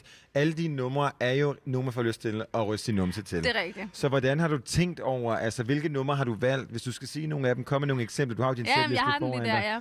Hvad var sådan lidt mere nogle af dem, hvor du tænkte, nu skal vi lige lidt ned igen? Altså, Pause er et lækkert nummer, men jeg tænker ikke, at Pause er ligesom Like Boom, hvor du bare gerne har lyst til at shake your butt cheeks. det er ikke helt det samme. Så ligesom at sørge for, at der er en balance mellem det. Cadillac er et virkelig lækkert nummer også, men det er ikke ligesom Work, hvor du bare får lyst til at hoppe op og ned af dansegulvet. Så også ligesom at få, få spredt numrene. Altså, normalt vil jeg nok spille Like Boom og Work lige efter hinanden, men det gør jeg ikke her, fordi folk kan alligevel ikke danse. Jeg er så klar til at danse. Du kunne sagtens have spillet det for min skyld. Men øhm, det her er din første koncert i hvor lang tid? Og altså, jeg har haft shows her og der, sådan små shows i Byhaven og sådan, men, men ægte koncert, så er det faktisk siden Journey, fordi Journey var Som i var i slut, januar. slut februar, Slut var februar, det, og så yes. kom øh, lockdown to uger efter, ikke? Og hvor meget har du glædet dig til det her, og hvad har du glædet dig mest til? Jeg havde helt klart glædet mig mest til bare at give den gas foran en masse mennesker. Altså sådan virkelig. Men jeg var altså lidt nervøs. Det kunne jeg godt mærke, før jeg, før jeg kom på. Så var jeg sådan, oh my god. The Hvad stage is for? big. I don't know. Fordi jeg har jo optrådt. Men det var Ja. fordi scenen var bare større. Og der var flere mennesker. Og så tror jeg måske også, at det er et andet publikum. Jeg har ikke haft lov til at kunne få mine fans herover, fordi Uhørt var jo totalt udsolgt, før jeg overhovedet vidste, at jeg skulle spille lørdag. Så jeg ved slet ikke, hvem det er, jeg skal spille for. Altså, jeg ved ikke, om de kan lide min musik. Jeg ved ikke, om de kender mig. Så det var jeg faktisk helt vildt bange for. Men øh, det gik mega godt, og jeg er her glad, men det var jeg faktisk ret nervøs. Men har du været mere nervøs for, hvis der var, altså, har du- har du været mere nervøs, hvis der ikke sad særlig mange mennesker, eller var det det samme for dig, det her med, at det var ukendt og u, altså, uhørt, hvis man ligesom skal gå i, øh, i Ja, jeg, ikke? jeg tror mere, det er det uhørt. Altså, jeg synes, det er fedt, at der er masser af mennesker. Lækkert. Elsker, når der er masser af mennesker. Men når jeg ikke ved, om de er der for at Ja. se mig, eller ikke engang mig, men bare for at høre rapmusik. Det kan være, at de alle sammen er kommet for at høre noget rock, og det er måske ikke lige det, jeg tilbyder sig. Men du klarede det virkelig, virkelig godt. Og øh, Marsen øh, Alexandra Bljanovic fra Pitten, som også er et Radio Loud-program, og jeg snakker om det her med, at du er ekstremt sådan, øh, umiddelbar og uhøjtidlig på en scene. Hvordan øh, har du den energi med dig? For man kunne på ingen måde mærke, at øh, du var nervøs. Der blev både rystet numse og svinget med håret. ja, øh, altså, jeg ved det ikke. Jeg tror bare, at der jeg får... Jeg elsker at performe. Jeg elsker, jeg elsker. Jeg kan ikke stresse det nok. Jeg elsker virkelig at performe. Så jeg tror bare, jeg får sådan en hel energi, når jeg kommer på scenen. Og jeg vil bare gerne have folk med. Altså, we getting lit. Og meget apropos at getting lit, så spillede du som 10 i din uh, freestyle rap. Hvor, altså, hvor jeg synes både, der var lidt sådan lidt, øh, der var lidt klør ude. Kan du ikke lige, øh, altså, du behøver måske ikke at gengive, hvad du sagde, men hvad var det sådan, du prøvede at øh, få ud igennem dem? Du altså, havde jo to der af var dem. to, ja. Er det den første eller den anden, du Det var den tænker på? anden. Jeg synes, der var okay. noget, ja. Okay, jamen, øh, hvad hedder det? der var Der var noget med, at du er særligt ikke af FN. Du choker aldrig, blandt Ja, andet. men det er rigtigt. Men altså bare sådan i forhold til... Oh, I don't want to shade anybody. Can we let it be the Altså, hvad det? no tea, no shade. no tea, no shade. Men mere, hvad, prøv bare mere at fortælle, så hvad kan en freestyle rap for dig? Det her med som platform, ikke? Jo, men lige præcis. Okay, men jeg synes, det her med, at jeg bare går op og freestyler, det er virkelig blæret, for jeg synes ikke, at folk gør det længere. Så en ting er, jeg, altså en ting er, at jeg gør det, men jeg kan også godt lide at fortælle folk, prøv lige at se her, jeg gør det. Hvem gør egentlig det her? Er der din yndlingsrapper? Ham, hende, du lytter til derhjemme. Gør de egentlig det her? Stiller de sig op på en scene uden noget beat og bare rapper? Altså sådan, så hvad hedder det? Så, så, så, og så er det jo også det, sådan punchlinesene ligger under, ikke? Var det? Igen. We ain't throwing no shade, men det er det, som er flexen, altså. At jeg bare kan gå op og freaking rap 100, du gjorde det, det må jeg sige, det gjorde du også godt. Og meget, hvis vi bliver med det her platform, altså, hvad kan en øh, festival som Uhørt Festival for dig som, som kunstner? Altså, du siger selv det her med, at der er mulighed for at møde nye publikum, men måske på lidt mere sådan usikkert grundlag for dig. Altså, hvad, øh, hvad synes du, der er spændende ved at spille sådan et sted som det her? Men jeg, jeg synes faktisk netop det er det spændende. At jeg kommer ud og møder så mange mennesker, som jeg tror måske aldrig nogensinde vil falde over mig. Altså på sociale medier eller et eller andet andet sted. Så, så det er virkelig på godt og ondt, det der med, at man kommer ud på helt uvandt territorie, fordi det er sgu fedt at komme ud og, og mærke og se folk, som man måske ikke normalt kommer til at støde på. Så det, det, altså, den mulighed er jeg evigt taknemmelig for. Det synes jeg er fedt. Og hvad har du fået af feedback? Vi gik jo lige lidt sammen, og der var jo folk, som nærmest, du kunne, vi kunne nærmest ikke få lov til at gå de her 10 meter, for folk havde travlt med at stoppe dig. Altså, hvad har den generelle feedback været bare på den her lille time, der er gået, siden du trådte af scenen? Nej, det har været rigtig godt.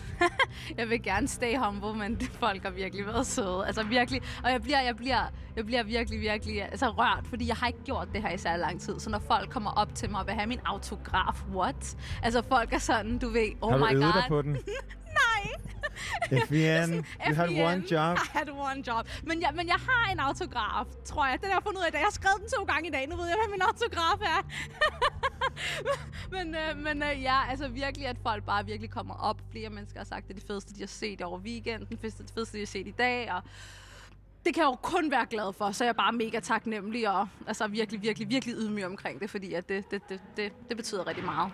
Og øh, her til sidst, hvis man øh, sidder... Hov, hvis man sidder som øh, jeg blandt andet, som gerne vil se dig igen og opleve den her FVN-energi, hvornår kan jeg gøre det igen næste gang? Jamen, altså, jeg ved ikke, hvornår næste gang bliver, men jeg har et show i november, Hej Søsterfest, så jeg synes jeg helt klart, I skal komme. Jeg er ret sikker på, at det den 9. eller den 11. november. Øh, tjek det ud. Øhm, Hej Søsterfest i Storvega. Kom og se mig. Kom glad. Vi kommer. Ja. Tusind tak, FVN. Vi ses nok snart igen. Det gør vi nok. hej. Hej hej.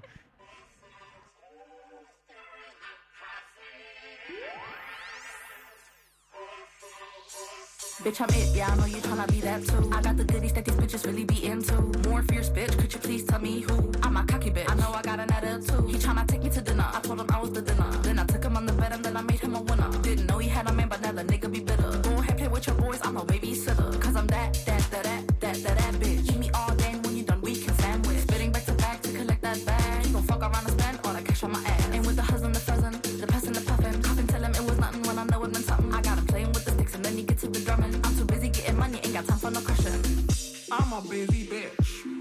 Call me the boss. I see it, I want it, and I get it, baby. I don't think twice. Ooh, but don't get me wrong, honey. It's hard being a bad bitch.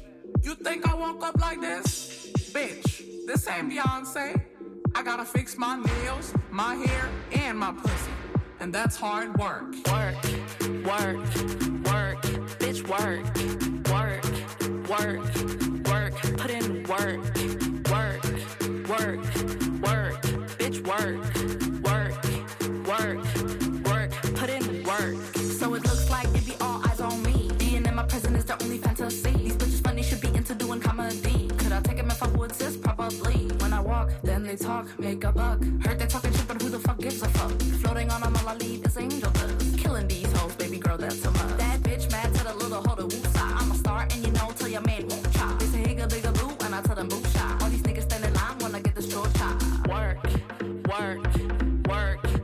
work, work, work,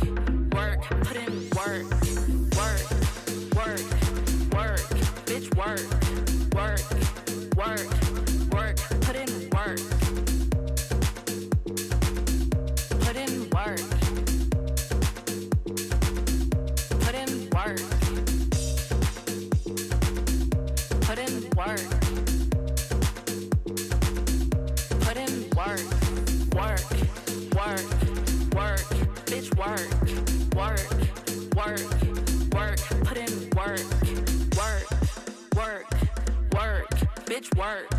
Work. Work. Work. Put in work. Ej, det er jeg glad for. Ej, jeg er glad for, at I kunne lide det. Tusind tak. Er det rigtigt? Ej, tak. Tusind tak. Ej, hvor er jeg glad for, at jeg kunne komme med lidt god musik oven på alt det her corona. Her fik du work fra FVN. Og øh, nu skal jeg hjem en tur til Aarhus, hvor at Følsom og Voldsom, som også hedder Frederik og Emanuel, sammen med deres guitarist Anton Berg, øh, lige tog et par minutter med mig. Lyt med. I, nu skal I huske at skifte mikrofonen, ikke? I er Klar. tre personer. Klar. Og jeg sidder herovre helt stille og Sorry. roligt. Hvordan synes I, det gik? Um, for at være ærlig, så er jeg pisse sur efter koncerten. Hvorfor? Um, det er fordi, uh, teknisk, min in-ears var lort. Lyden var mudret. Der var- kom ikke rigtig lyd, altså min stemme kom ikke rigtig ud af mine monitors. Så når det var, at jeg skulle høre mig selv rigtigt, og jeg skulle prøve at intonere efter det kom, så skulle jeg sådan læne mig helt ud over scenen, og så høre beatet, og det var fucking lort. Altså, det var sådan, jeg var sur. Ja, altså, hvis du kan spørge Lort. drengene her. Altså, jeg var Han var rimelig pissed. Ja, jeg var moody efter koncerten. Det er han tit Ja? efter en koncert. Hvorfor? Jeg tror, det er sådan en klassisk efterkoncert come down. Jeg tror, der er ret mange andre musikere, som har oplevet det her. Men Så, det, så det er godt, I ligesom har fået en, øh, en time til lige at komme ned, eller hvad? Ja, men Em- Emanuel han er også meget perfektionistisk. Rigtig meget. Okay. Så hvis han spiller en mega fed koncert, så hvis der er noget, der har drillet ham, så kan det nogle gange godt være det, han kommer til at tænke på. Selvom han har gjort det mega godt. Og det er også mega forståeligt, men sådan... Det er fordi, han, han, han, hans bundniveau, det er, det er højeste niveau. Så Emanuel, hvis du skal sige det, var det en voldsom eller en følsom koncert? altså voldsomt sidder til min højre side. Um, jeg vil sige, at det var, det var en blanding, det var en blanding af begge dele. Jeg var, altså, folk kan ikke se det. Det får jeg altid at vide, at de kan ikke se, at jeg er irriteret. Men indeni der er bare sådan skriger, og jeg er sådan, fuck, jeg er irriteret over det her. Måske, måske det påvirker din performance på en god måde i virkeligheden. Men Hvad siger voldsom? Kunne voldsom se det? Øhm, jeg tror, jeg tror, vi er der nu. Det lyder som om, vi er kærester, men... Det er vi også. Det er vi også lidt. Men jeg tror, jeg tror, at vi er der nu, hvor jeg kan læse Emanuel sådan... Altså på lang afstand. Og jeg kan godt mærke, når du er frustreret. Jeg kan også godt mærke, hvis du er usikker, eller hvis der er teknik, der driller. Jeg tror næsten sådan... Det er, det er sådan helt telepatisk efterhånden, fordi vi har brugt så meget tid sammen. Altså, når vi ikke laver musik, hænger vi ud sammen, og ja, så det er blevet sådan en hel, det er blevet en hel ting. Og Øh, jeg kunne godt mærke på dig, at du var frustreret over, over lyden, og jeg kunne også godt mærke den måde, du sang på, var anderledes i forhold til, når vi for eksempel har øvet det, og det er fordi, du ikke kan høre, øh, hvad der sker. Altså, så jeg ved altid, du performer max øh, sådan dit fulde potentiale altid. Hvis, de, hvis du bliver hæmmet af et eller andet teknisk, så, så kan jeg jo godt høre det. Eller sådan, for jeg er vant til at høre det på, dit, på sit fulde. Ja. Så jeg kunne godt høre, at du havde lidt svært ved at finde dig selv, eller finde, øh, ja. Men øh, som altid, så leverede du bare fucking hårdt, eller sådan, ja. Så, ja. Jeg synes også, at det var fucking sygt. Åh. Nej, men øh, jeg, det er mig, der er Berg, som er... Godt, du præsenterer dig selv. Tak. Jeg præsenterer mig selv. Jeg, jeg hedder Berg. Øh, jeg er guitarist i Følsom, det nyeste medlem. Hey. Øhm, og min oplevelse med at spille med det her, fordi at jeg føler allerede, at jeg kender gutterne rigtig godt. Men, men måske ikke godt nok til, at jeg kunne mærke, at der var et eller andet off. Så jeg stod bare om bagved med min guitar og tænkte, åh, oh, fede, anderledes forseringer i, han laver deroppe foran. Noget punk i Og jeg, ja, ja, fordi det var Men, sådan, men man okay, kan jo wow, det sige, at som publikum, så opdager man det ikke, fordi man kan sige, man skal være ekstremt nørdet for at have, at have oplevet, altså kunne sammenligne det her med tidligere koncerter, fordi der var jo kun et, der var kun et udgivet nummer. Så man kan ikke sige sådan, åh, det her det lyder ikke, som jeg havde håbet på på pladerne. Men-. Og jeg tror også, at hvis det var, at jeg havde det sådan, åh, det lyder ikke, som det gør på pladen, så ville jeg måske bare synes, det var en fed ting. Fordi Helt det er nogle sikkert. gange lidt kedeligt, det der med, når man står til en uh, Blood Orange-koncert, og det lyder en til en som pladen, og det er bare mere fedt at sidde hjemme i sin sofa. Og det var ikke tilfældet her, vil jeg sige. Tak. Men, men selv jeg, som har øvet en masse med gutterne, og spillet med gutterne, og lavet noget musik med gutterne, øhm, kunne ikke se igennem, at der var noget i vejen. Eller sådan, for, fordi jeg bare synes, at, øh, at vi overkom de der tekniske problemer så godt, så at jeg faktisk nærmest selv blev snydt af dem, hvis man kan sige det sådan. Altså, jeg havde også nogen selv, men hvor jeg bare var sådan, fuck det, nu stoler jeg bare på, at jeg spiller det rigtigt, selvom jeg ikke helt kan høre, hvad der foregår.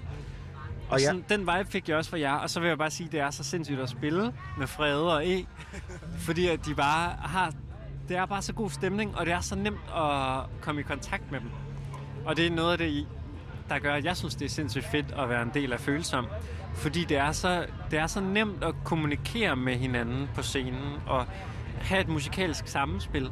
Fordi at der, der er ikke nogen der er ikke nogen, der bare er mega selvoptaget og har travlt med at passe deres egen biks, eller kigge ned på deres ting, de har gang i, eller et eller andet. Det er så nemt at få fat på folk. Og jeg synes, det er for fedt at være med, mand. Altså sådan... Jeg, jeg har simpelthen spillet med så mange, der har passet sin egen biks så meget, så jeg bare sådan, okay, så gør jeg det også selv. Men sådan er det overhovedet ikke her.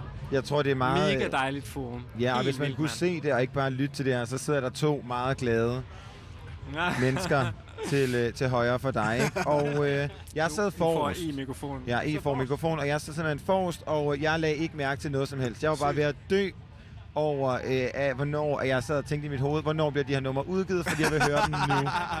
Og jeg vidste, at jeg skulle køre. Det er meget koldt, så jeg skulle køre med at hente en jakke. Jeg tænkte, jeg vil høre det her nu. Og det øh, kom jeg så i tanke om, det kan jeg jo ikke. Men jeg opdagede så også alle detaljerne i det, og vi er nødt til lige at tale om, hvad særligt du, Emanuel, havde på. Klar, klar, klar. Prøv lige at fortælle lidt om den dragt, du havde på. altså, jeg, jeg har jo fået øhm, skud ud til Simon Karsten, fordi jeg skulle spille karrierekanon semifinal, er også sådan, jeg har brug for en dragt. Og er sådan, jeg har en hvid kædeldragt til dig, hvis der er, så er sådan helt sikkert. Og så skud ud til Anders Poulsen, som ligesom designede den kædeldragt til mig. Og han er en, en nær ven, som også kommer til at designe fremtidige kædeldragter for os. Fordi der står både, der er både øhm, tegninger af tegninger, der passer til vores univers. Der er, der er linjer for nogle af vores sange. Der er politiske holdninger på den, fordi Følelsom, er, Følelsom snakker om alt. Vi har, ikke, vi har også nogle politiske sange, der ikke er ude, men på, hvis du læser på drakken, så er der politiske holdninger. Så man kan godt se, drakken er et symbol på, hvad, sym, hvad Følelsom står for. Der er alt på den. Og jeg fik... Men der, er meget, men der er meget fokus på øh, hele Black Lives Matter. Der bliver står blandt andet Præcis. Breonna Taylor, der står George Floyds navne, men der står også dykker ned Præcis. på tværs. Og øh, på en eller anden måde, så er det her jo, man kan sige, en koncert er jo en mulighed for ligesom at udvide sådan, det visuelle univers og gøre det meget sådan, fysisk. Men er jeres koncerter politiske, og vil de altid være det? Øhm, jeg vil ikke sige, at vores koncerter er nødvendigvis politiske. Jeg tror bare, at det er sådan... Jeg hader at belære folk, fordi jeg, jeg mangler selv viden omkring det. Så ved at de kan læse nogle få linjer, så får de vist lidt vores synspunkter på det. Uden at vi skal belære folk, for det, det, det er ikke vores position. Vores position det er bare egentlig at, sådan, at fortælle folk, hvad vores historie er, fortælle, hvordan vi føler, og fortælle, hvordan sådan, det, vores krop har følt det ved de situationer, vi har været, vi har været ude for. Så det er, ikke, det, er, det er ikke nogen belæringer. Det er bare sådan, her står vi, det har vi set, det har vi følt. Så er det op til dig at fortælle det, om tage det med eller ej. Om du kan også, du må hellere end gerne være uenig. Så kan vi, så kan vi begynde at snakke om det. Men jeg stussede over en linje i noget af det uudgivede materiale. Den der var, en, i denne verden er det kun Kanye, der må gå græsat.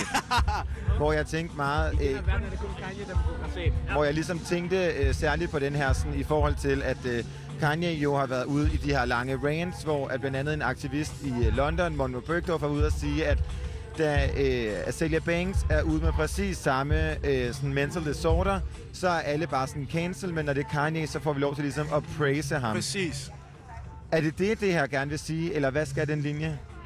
Jeg tror, det, jeg tror bare generelt, det føles som gerne vil sige, det er, at det er fucking i orden at have det, som du har det. Altså sådan, det, det er så fint. Altså har du, er du, har du nedtur på, så er det fucking i orden. Har du optur, så er det også i orden. Men så længe du bare sådan siger, hvordan du har det, så sådan, hvad, Ja, hvad tænker du? jamen lige præcis. Du behøver ikke være et ikon, ligesom Kanye, for at udtrykke dig. Ja. Fordi, ja, lige præcis. Fordi ofte så er det sådan, hvis du har en kæmpe stor øhm, øhm, rum, hvor du ligesom kan tale, så er, det, så er det i orden. Men sådan, alle har lov til at fucking sige deres mening. Og det er fucking vigtigt. Ja, lige præcis. Og meget apropos, hvordan, vil du sige noget, Berg? Bare sige føl. Ja. Og så vær det, du føler. Lige præcis. I stedet for at være et eller andet, du synes, du skal være. Og meget apropos at føle, hvordan føles det her sådan inden at gå på scenen? Altså man kan sige, du går fra scenen, vi har været igennem følelseregisteret, at du Ja. var irriteret, men hvordan føles det? Altså hvad er sådan en stemning, I føler om lige Ja. inden, at I går på scenen her på Uhørt Festival? Ja, jeg vil bare lige sige, det er lige før, at, at nu skal det heller ikke være, som om vi er bare sådan nogle sages, der styr på det hele, fordi jeg tvivler på det hele hver dag -agtigt. Så jeg vil ikke være det der med rollemodeller, sådan, du bare gør det her, det her, det her, så går det godt.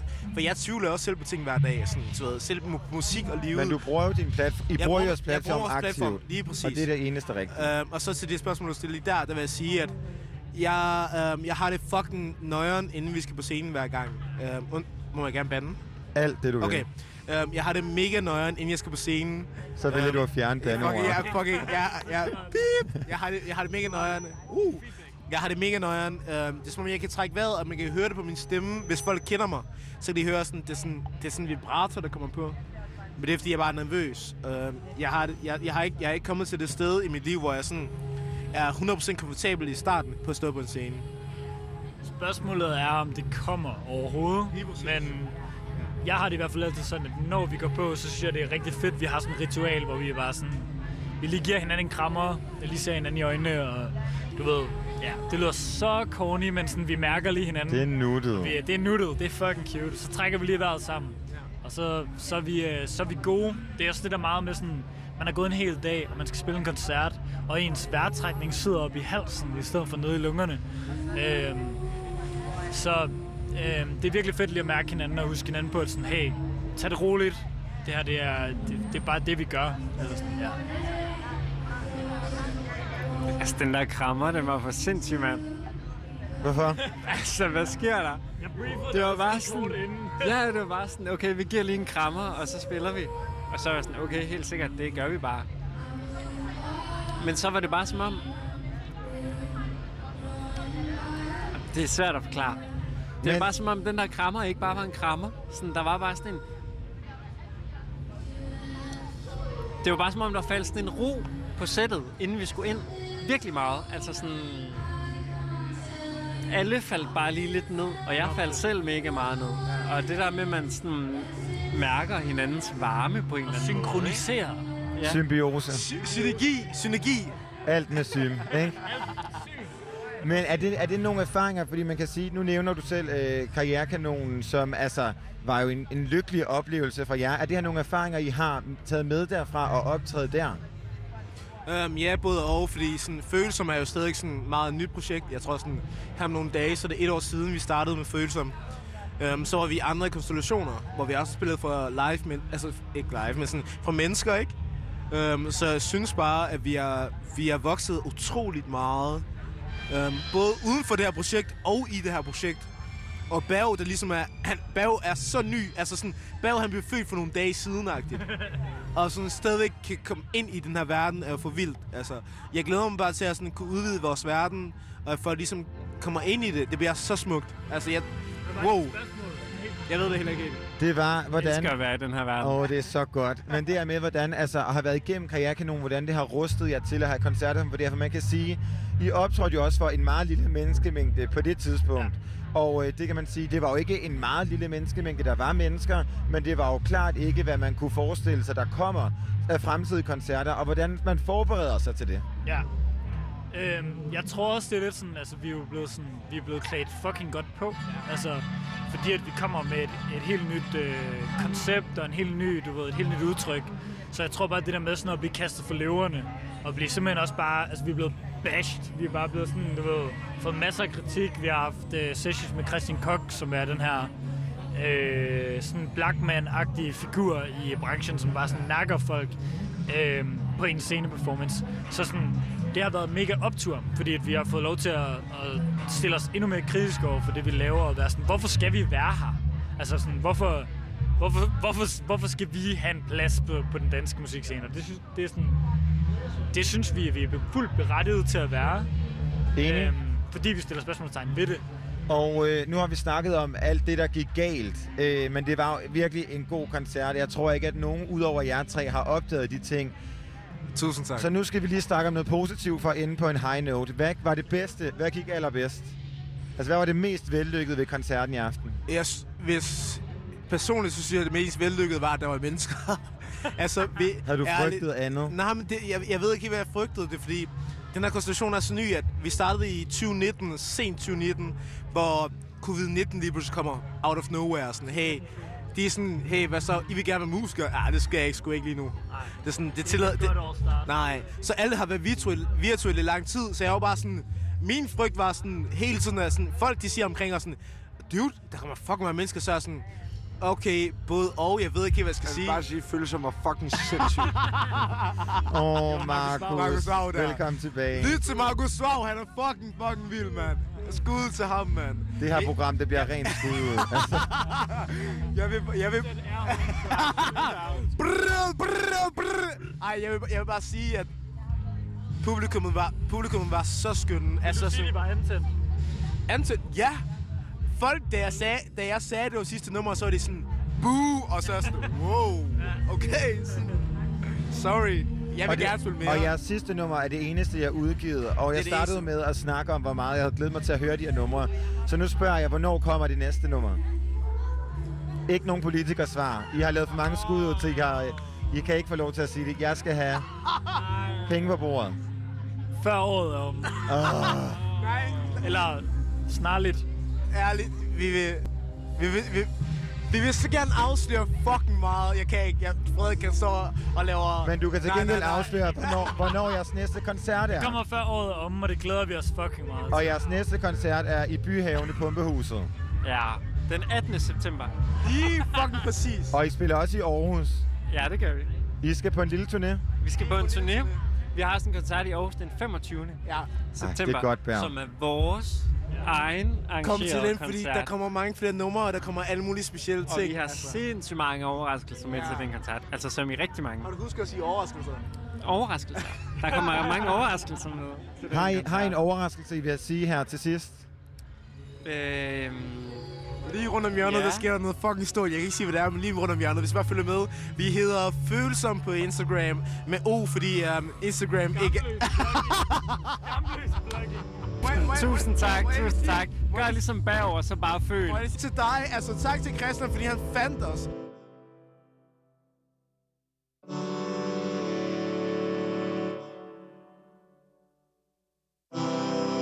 Det er for meget for mig at bære Svært at vise dem, hvem jeg er. Når det sker gennem mit bær. Oh, oh,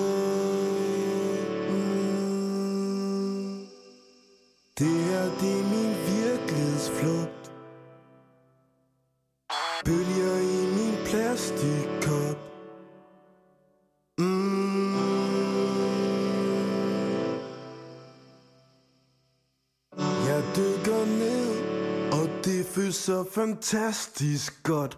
Jeg dykker ned, hvornår vi det er vanvid stop. Jeg dykker ned, og det føles så fantastisk godt. Jeg dykker ned, dykker ned. Mm.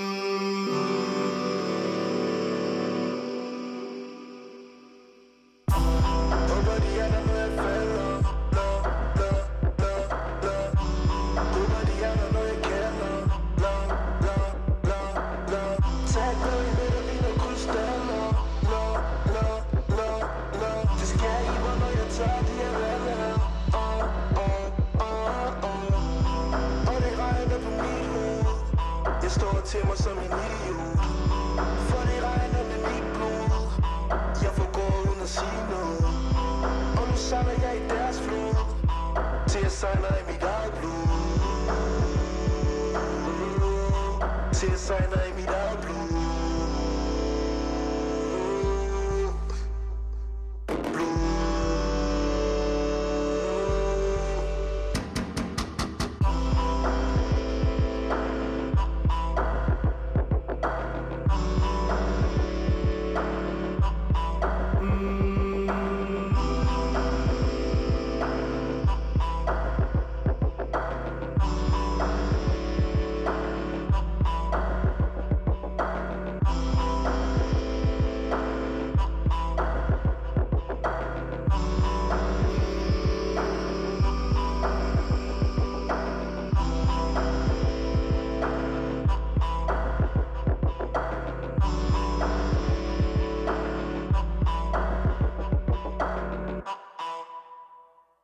Her fik du mit blod fra Følsom.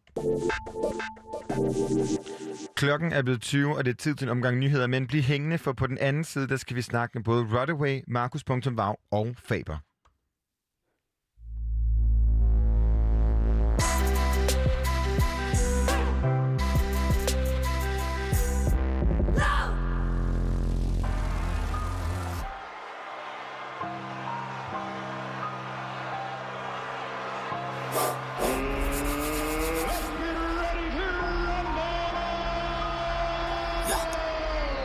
Hvor mange titler vi har Du kender mit game, vi heavyweight. Medaljerne kommer i trucks. Huh? Any day, any day. Money team, money made Gang, gang. Holder ikke fri, holder holiday. Gang, gang. Busy, brug for en getaway. Gang, gang.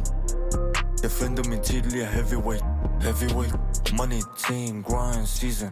Vi busy, har nok at lave Jagter med with a penge, jeg har hjertet som Pacquiao Det hele var en drøm, notorious. Nu er det Dior, gang, gang. Giv mig det loot. Hvis ikke må vi kick in the door. Har en bad bitch ligesom Demi. Hun vil have more, og hun catcher ikke de der feelings. For der fly, vi skal nå. Nogen de smooth kriminelle Til den blik i går wacko. De der moves spiller mænd. Ey, mini, que paso Lige fra morgen, som Kellogg's. Money, vi skal develop Print papir, som Xerox Heavyweight, som Lennox any day. Money team, money made Gang, gang. De har medaljer, som vi skal have Se hvor mange titler vi har Du kender mit game, vi heavyweight. Medaljerne kommer i trucks. Uh? Any day, any day. Money team, money made Gang, gang. Holder ikke fri, holder holiday Gang, gang Busy, brug for en getaway. Gang, gang. Jeg finder min titel, jeg er heavyweight. Vi starter fra zero, vi kommer fra zero. Vi starter med zero, det er derfor jeg rører Ligesom Bambino, vi starter laviner Det er ligesom Sub-Zero imod amatør Vokser og fattig, men ribber det rino De catcher en fade, som om de hos frisør Så for det regner, det er ligesom monsuner Der er ikke nogen sæson, hvor min konto er tør Op i en suite i Otello. Og min view er så bello Chiller så vibe med mellow. Men så ringer min tello. Hvem ringer nu, hello? Hello, hello. Det er hende, vi kalder for J-Lo. For mommy har bot ligesom Jello. Heavyweight.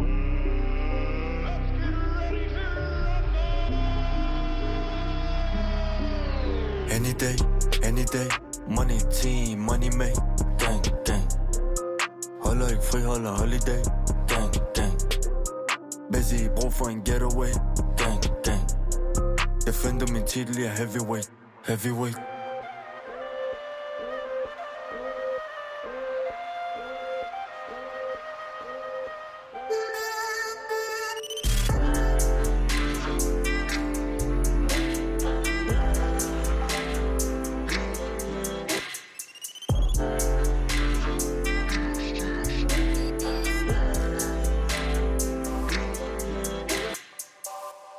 Rigtig hjertelig velkommen tilbage her til Frekvens på Radio Loud. Mit navn er Christian Henny Links, og jeg har fornøjelsen her, Isa Naja Buhl, med mig i studiet. Hej Isa. Hej Christian. Vi har jo øh, Uhørt Festival Special her i dag, hvor vi rapporterer de øh, interviews, som jeg lavede i lørdags fra lørdagens program. Men vi var jo også på festivalen torsdag, hvor at vores gode ven og frekvensvært Benjamin Clemens var på den her dejlige, dejlige festival. Og øh, han har simpelthen fat i nogle flere af vores frekvensvenner. Det er det københavnske hardcore band Rodaway, som vi skal høre her. Jamen, øh, jeg står her med Rodaway, og øh, først og fremmest, jeg har Ole og øh, Jonathan med mig her. Først og fremmest, hvor er min t-shirt henne, drenge? Skal jeg bare lige... Øh... Ah, den ligger ude i merchen. Ja, Vi henter den bagefter. Den ligger ude i teltet. Fandme, fandme for dårligt. Ja. Kommer jeg her, ikke? Med radiosender, alting. Så helt engang min Du kunne t-shirt. faktisk godt have haft den med her. Ja, det kunne være fedt. Ej, I har lige uh, spillet skatescenen her på Uhørt Festivalen. Hvordan uh, har I det nu? Det er meget godt. Ja, jeg har det okay. Jeg er lidt træt. Ja. Men jeg har også været tidligere. Det er også det er et halvt år siden, vi har spillet live sidst, Ja. så, øhm, så man skal jo lige i gang igen. Ja. Men det var meget nice. Det var fedt nok. På en skala fra 1 til en million, hvor fedt var det at komme ud og spille, på trods af, at det var siddende og alt det her. Altså det der med bare at komme ud og spille noget live musik igen. Den, den gav, gavmild skala, jeg har givet jer, drenge. Ja, den en er million. stor. Det ved jeg ikke. Vi sige 500.000 så? Det er ja. lige midten. Ja, lige midten. Lige Det er fedt at være Ja. ude at spille, men Ja. mindre fede rammer. Ja. Det var ikke sådan... Det var ikke sådan særlig hardcore. Man kunne sige, det ved jeg ikke. Jeg havde synes lidt, halvdelen af det, der gør det fedt at spille, det manglede. Ja. Det var ikke så punkrock igen med en siddende koncert, men det var sgu meget sjovt alligevel. Men det er jo også det er jo hardcore at passe på hinanden, ikke? Så det er jo også et eller andet sted, at det er jo også hardcore at sidde ned. Ja. Kedeligt, som det bliver sagt i baggrunden. Ja. Ja. Fair nok, fordi I spillede jo for et, øh, for et siddende publikum, ligesom alle andre gør her på, øh, på festivalen. I endte med at få fyldt salen rimelig godt op, lagde jeg mærke til til gengæld. Men, men hvordan var det det her med at spille? Altså, nu siger du, der manglede sådan halvdelen af oplevelsen. Hvordan var det helt sådan lavpraktisk at, at spille? Var det mærkeligt? Var det... Jeg synes, det var underligt. Øh, man kan sige, meget af det, som vi gør, når vi spiller live, det er, at vi prøver lidt at involvere publikum så meget som muligt. Øh, tilbage til de gode gamle dage, kan man sige, hvor at, øh, publikum er, er, er, altså, det er dem, det handler om mere end det er os. Så på den måde synes jeg, det var lidt underligt og måske lidt sådan sådan en udstillet fornemmelse at stå på sådan en halvanden meter høj scene, mens der sidder 200 mennesker ned, spredt i en meget stor sal. Ja, man følte sig meget set på, hvor ja, vi gerne vil interagere med publikum, hvor her der var det ret meget udstilling. Se os. Meget, øh, meget klasseværelse opsætning, ikke? Ja, jo, det var ikke så rart. Hvad hedder det? øh, Vi har jo tidligere, der var du så selvfølgelig ikke med, Jonathan, men vi har tidligere snakket om, hvordan I vil øh, forberede jer for at, på at spille for tidende publikum. Hvad, hvad endte I med at gøre? Altså endte I med at gøre noget anderledes, end I ville have gjort, eller... Ja, vi sagde til folk, at de skulle sætte sig ned i stedet for stage dive. Og det synes jeg virkelig, virkelig var sjovt. Altså, du blev ved med igennem hele koncerten at råbe, sæt jer ned. Det, ja, ja, ja, vi har jo, altså, det er jo lidt en ting, vi har med bare at råbe stage dives og opfordre til stage dives. Ja. Kan vi ikke rigtigt. Nej, jeg tror, vi snakkede rigtig meget frem og tilbage om det i går, hvordan det ville blive, og også i dag, og jeg tror bare, vi endte med at blive enige om at bare gå op og spille, ja. uden sådan at tænke så meget over det. Ja, jeg tror egentlig også, at personligt så tog jeg det som et hvilken som helst andet show. Altså bare koble fra. Det sker, det der sker. Ja. Det var fedt. Hvad hedder det? Apropos publikum, så, øh, så lagde jeg mærke til, at I også var over at se uh, hardcore-vennerne i, uh, i Taylors. Vi har jo uh, også lært af jer, at det er uh, hardcore at være en god ven og støtte op om hinanden, så uh, selvfølgelig uh, var I Lige derovre. præcis. Hvad hedder det? Um, nu har vi snakket lidt om, hvordan I synes, det var at spille hardcore for siddende publikum. Hvordan var det at være siddende publikum til en hardcore-koncert? Uh, jeg er skud til Taylors. De er ja. mega nice band. Uh, jeg tror, Taylors sådan rent musisk, eller sådan, deres univers egner sig måske bedre til sådan en siddende, nærlyttende uh, oplevelse, ja. end, end vi gør. Vi er nok mere bare sådan lidt, vi er Abeburs hardcore, hvor at Taylors har... Man kan godt mærke, det er konservatoriedrenge alle sammen. Altså, ja. det er virkelig Ja, velskrevet. det er dygtige gutter, så man kan nemmere så lytte til det, hvor vi vil hellere have, at folk kommer ud og slås til vores. Ja. Ja, men på den rare måde, ikke? Eller noget Jo, jo. jo. Vi vil gerne passe lidt på hinanden. Lidt, okay, vi passer lidt på hinanden. Hvad hedder det? øh, Nu jokede jeg også lige med det. Jeg har jo købt et uh, sæt t-shirt til jer, og det er jo faktisk det eneste merch, I har lige nu som band. Så jeg, øh, jeg tænkte om, uh, I ikke skulle sådan op jeres merch game lidt. Sådan, jeg tænkte jojoer og sådan musemotter. Uh, Vi har snakket om tandbeskytteren. tandbeskytter. Ja, tandbeskytter, ja. Det- Okay, det kunne være røvsvedigt, hvor der står Rodaway sådan lige på fortællingen. der. Vi har også fundet en hooligan shop, hvor man kan købe dem, men jeg ved ikke, jeg tror, man skal købe virkelig mange, for at det sådan kan svare sig. Så. Men det kan ikke være dyrt at købe tandbeskytter jo. Ah, men det- vi er sådan oppe i tusinder, sådan for at det, man kan Okay. få det hjem. Men så kan det være sådan noget, måske I kaster ud fra scenen til folk. Ja, så opfordrer vi virkelig til at Ja. gå amok. Ja, det er virkelig... det er sgu nok... Ja, ja. Ikke, ikke svedbånd, sengetøj. Nej, Nej, slet ikke. Slet. Svedbånd er sådan lidt nuller, corner, slipknot-agtigt nu-metal. Øh, Og mundbind kommer aldrig til at ske. nej. Det er I ikke fan af, eller? Nej. Nå. Jamen, øh, sidst vi snakkede med jer, øh, var I også på vej til studiet med, med jeres første sådan, fulde plade. Øh, hvordan går det med den? Jamen, øh, det går godt. Instrument, det, det instrumentelle er done. Det gjorde vi færdigt i forrige uge. Øhm, så nu mangler vi faktisk kun vokal. Starter vi på her i... næste, næste måned? Ja, start oktober. Slut, slut september, start oktober. Ja. Så, øhm, så ja, vi mangler egentlig faktisk kun vokaler, og så, øh, så er vi færdige. Jeg lagde mærke til, at I havde i hvert fald et nyt nummer med, kan Mhm, det passe? det er rigtigt. Øh, og så var der også noget, der var lidt langsommere. Var det nyt? Eller, Den kommer også på den nye plade, ja. det sådan lidt er langsommere, lidt mere breakdown-præget, ja. end I plejer at lyde. Det er egentlig et gammelt nummer, som vi har skrevet videre på til den nye plade, så den er også indspillet. Er det øh, sådan toneangivende for det nye, at det er sådan mere tungt, eller har I også det sådan gode, gamle, hurtige, du kan, du kan, du kan? Jeg synes, vi spænder ret bredt på det nye. Ja, ja vi kommer sådan... Tempomæssigt svinger den rimelig meget. Ja, ja. Generelt er den måske lidt mere metallet end det første, ja, vi har den er, udgivet. Det er, nok, det er nok lidt mere metallet, ja. Nu må vi se, hvad jeg synes. Ja. Men jeg, jeg glæder mig helt vildt til at høre den. Hvad hedder det? Er I kommet tættere på en udgivelsesdato, eller er den stadig sådan lidt fly? Nej, det er... Vi ved der er ikke. mange ting, der skal falde på plads endnu. Ja. Jeg sad jo øh, sjovt nok her tidligere i dag, da jeg sad og forberedte mig på at lave det her interview, så sad jeg lige og hørte alle jeres ting igennem igen, og så sad jeg og faldt lidt i staver over coveret til, til Timebiter-singlen. Øh, vil I ikke lige beskrive, hvad det er, der er på det cover? Jo, det er Mr. Noodle, der har flækket sin fortand. Det er Mr. Noodle. Hvem er Mr. Noodle? Det er en af mine rigtig gode venner. Og han har slået sig. Hvad, hvad skete der der? Nå, det... Han, ja, han, han faldt oven på en master. Oven på en Mazda? Ja, og så flækkede tanden. Og så tog jeg et billede af det. For det var, det ved jeg ikke, det var, det var ret fedt. Det var ikke noget Rodaway-relateret? Det var Nej, bare nej, en overhovedet ikke. druktur? Det er en druktur, ikke? Ja, det ved jeg ikke. Vi var bare lige ude og kigge lidt. Mere, mere sløret af. Det lyder meget hemmelighedsfuldt. er, du, er du selv sikker på, hvad der skete den aften? Ja, ja. Det var bare... Altså, det Vi var bare andre var Mr. ikke Noodle, med, så det er kun Jonathan, der ved, hvad der er sket. Mr. Noodle er en af mine allerbedste venner, som er, og han er fucking tight. Tight as fuck. Han er virkelig, virkelig nice. Øh, og så skete det her uheld med hans tand, og så synes jeg bare... Så tog jeg et billede af det, fordi han sk- faktisk selv skulle se det. Og så var billedet bare på min telefon, og så viste det til de andre, så ville de sådan hellere bruge det til cover, fordi det er totalt hardcore med det i sort-hvid. Det så sejt ud. Det er sådan lidt, øh, sådan lidt mayhem-historien, men mindre nærig. Ja, måske ikke så, måske, måske ikke så... Øh, Jeg synes, det, det, det er sådan...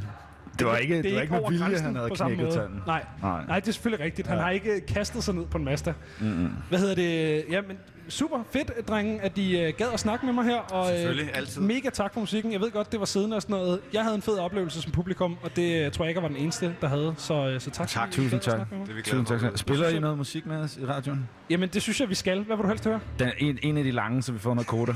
vi får ikke nogen penge i dag. Vi, øh, vi spiller en af de lange, så jeg får noget kroner. Tak for i aften, drenge. Selv tak.